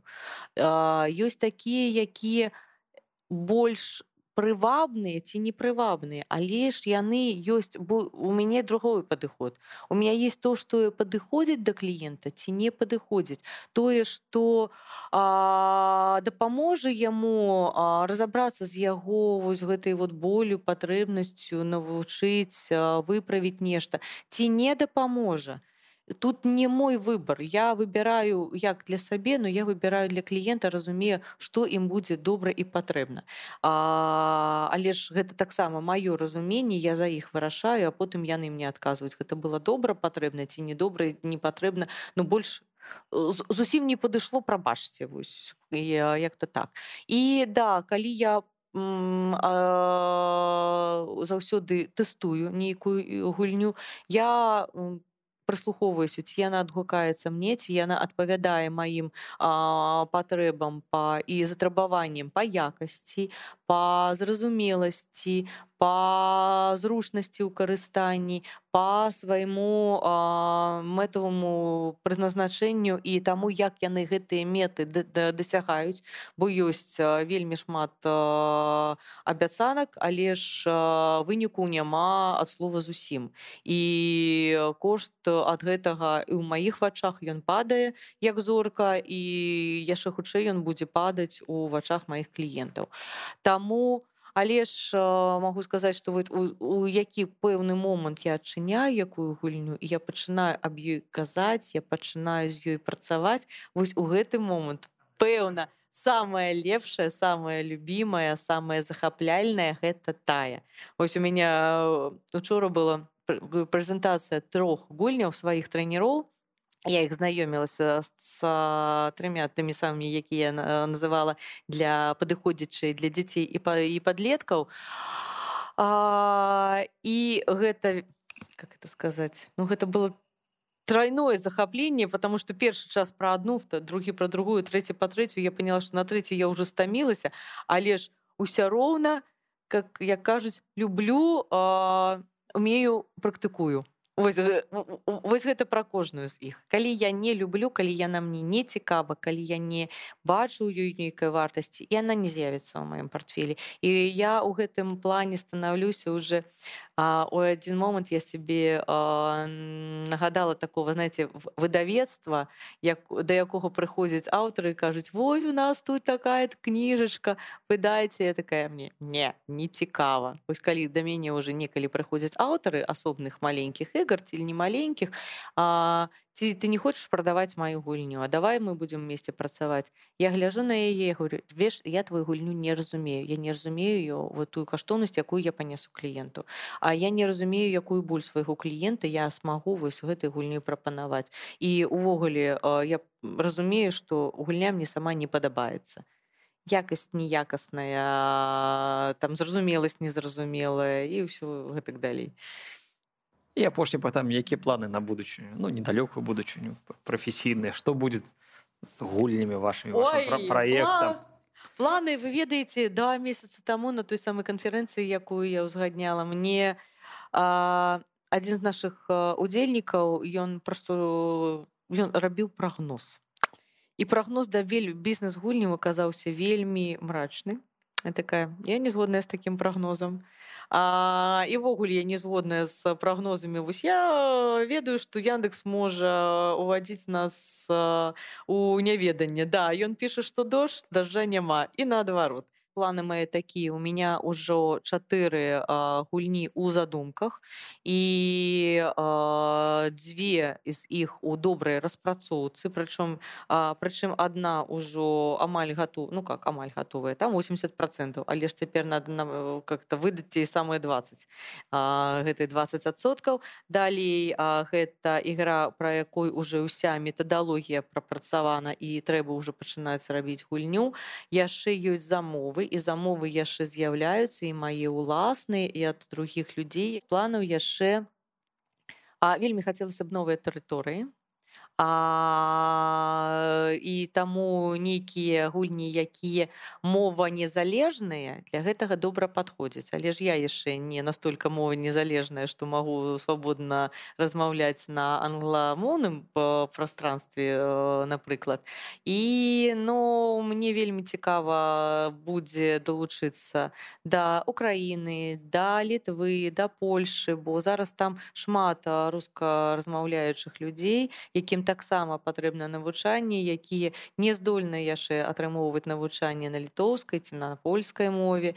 І нават і на англійскай не ўсе здольныя. Але ж я разумею што каму-то гэта і патрэбна а, і па skills і па падтрымке каманд і па падтрымке асобных асоб калі гэта так можна сказаць. Таму вось гэта і планы і мары. Але ж смеласць у мяне ёсць перыядычна я ее губ губляю а потым звяртаюся назад падымаю пойдзем смеласць со мной. Трэба ісці дарогу асілі ты душі ось вось так і ідзем бо ўсё тое што ці не прадвігаецца вельмі а, шватка ну у любым выпадку новыя прадукты яны часам павінны даказаць сваю годнасць і вось толькі тады калі людзі бачаць ужывую і а, трымаюць гэта ў руках і разумеюць як гэта працуе яны кажуць Вау так я зусім сабе не так уяўляў так не трэба ўяўляць трэба паглядзець трэба пагуляць. І дарэчы як мы калі разбіраем гульні гэта самая як вы думаете Евген якая самая а, такая драйвовая і галоўная фраза гучыць за сталом вось калі людзі сабраліся адчынілі новую скрынку цікавая гульня по рэферэнсу чытаюць правіла і што яны у нейкі момант яны кажуць не я пра звычайную гульню. Да і пра бізнесовую таксама хопіць ужо правіл давай гулять там разбяремся ось да і по ходу разбіраемся тому что вось вот так вот з гульнямі і у гульні і ў жыцці Таму я у іх веру і яны настолькі розныя что я буду спрабаваць А што з гэтага атрымаецца уже якія планы будзе дыктаваць наваколе ну а гэтага пойдзем і паглядзім. Дякую вам вялікі. А, и, и, вы знаете, а, и гульни, и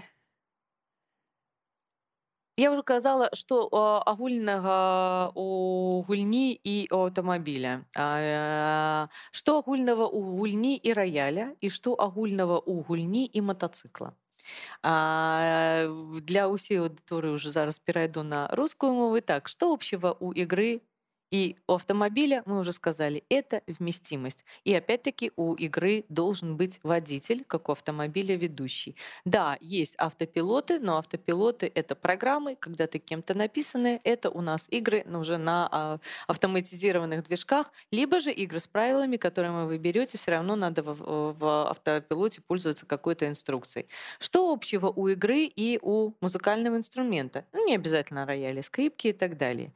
Сама по себе не заиграет. Вот вы поставите рояль в угол, скрипку на полку, и будет она в лучшем случае красивым арт-объектом и пылью покрываться. Если вы не будете играть в игру, не будете играть на игре, она не принесет вам никакого удовольствия и пользы, честно.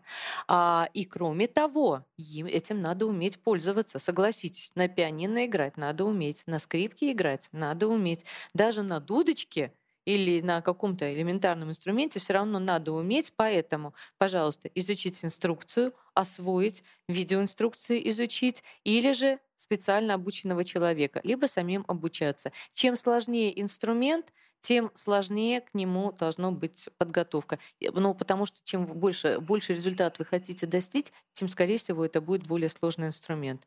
Ну и что общего у игры и мотоцикла? Очень самый неочевидный вопрос. Наверное, его могут ответить только на самом деле а, мотоциклисты, но нет. А, и то, и другое должно быть сугубо по желанию. Нельзя насильно сделать человека мотоциклистом. Это только всегда выбор человека, идти на этот опасный вид транспорта или не идти. Точно, да, э, точно так же и игры. Но мы не заставим в хорошее, как это, насильно мил не будешь, и мы не можем заставить играть людей играть в игры. Это не ведущий вид деятельности у взрослого человека, но он постоянно где-то рядом. И геймификация и игры присутствуют в нашей жизни постоянно. Поэтому геймификация очень широка в маркетинге, она будет набирать обороты и в рабочих процессах, и в учебных процессах, и поэтому, ну, играть в игры или не играть, это дело добровольное. Вы можете попробовать. А вот если понравится, тогда поговорим дальше. Всего хорошего. Большое спасибо вам за внимание. И, тем не менее, играйте в игры. Это того стоит. Всего добра. Дякую, коллеги. Сегодня в гостях у меня была Вероника Зайцева, основательница проекта про Game Gym. Не забывайте подписываться, ставьте лайки, покидайте свои комментарии и делитесь этим видео с зацікавленными особами. Дякую, до встречи. До зустрічі. До побачення.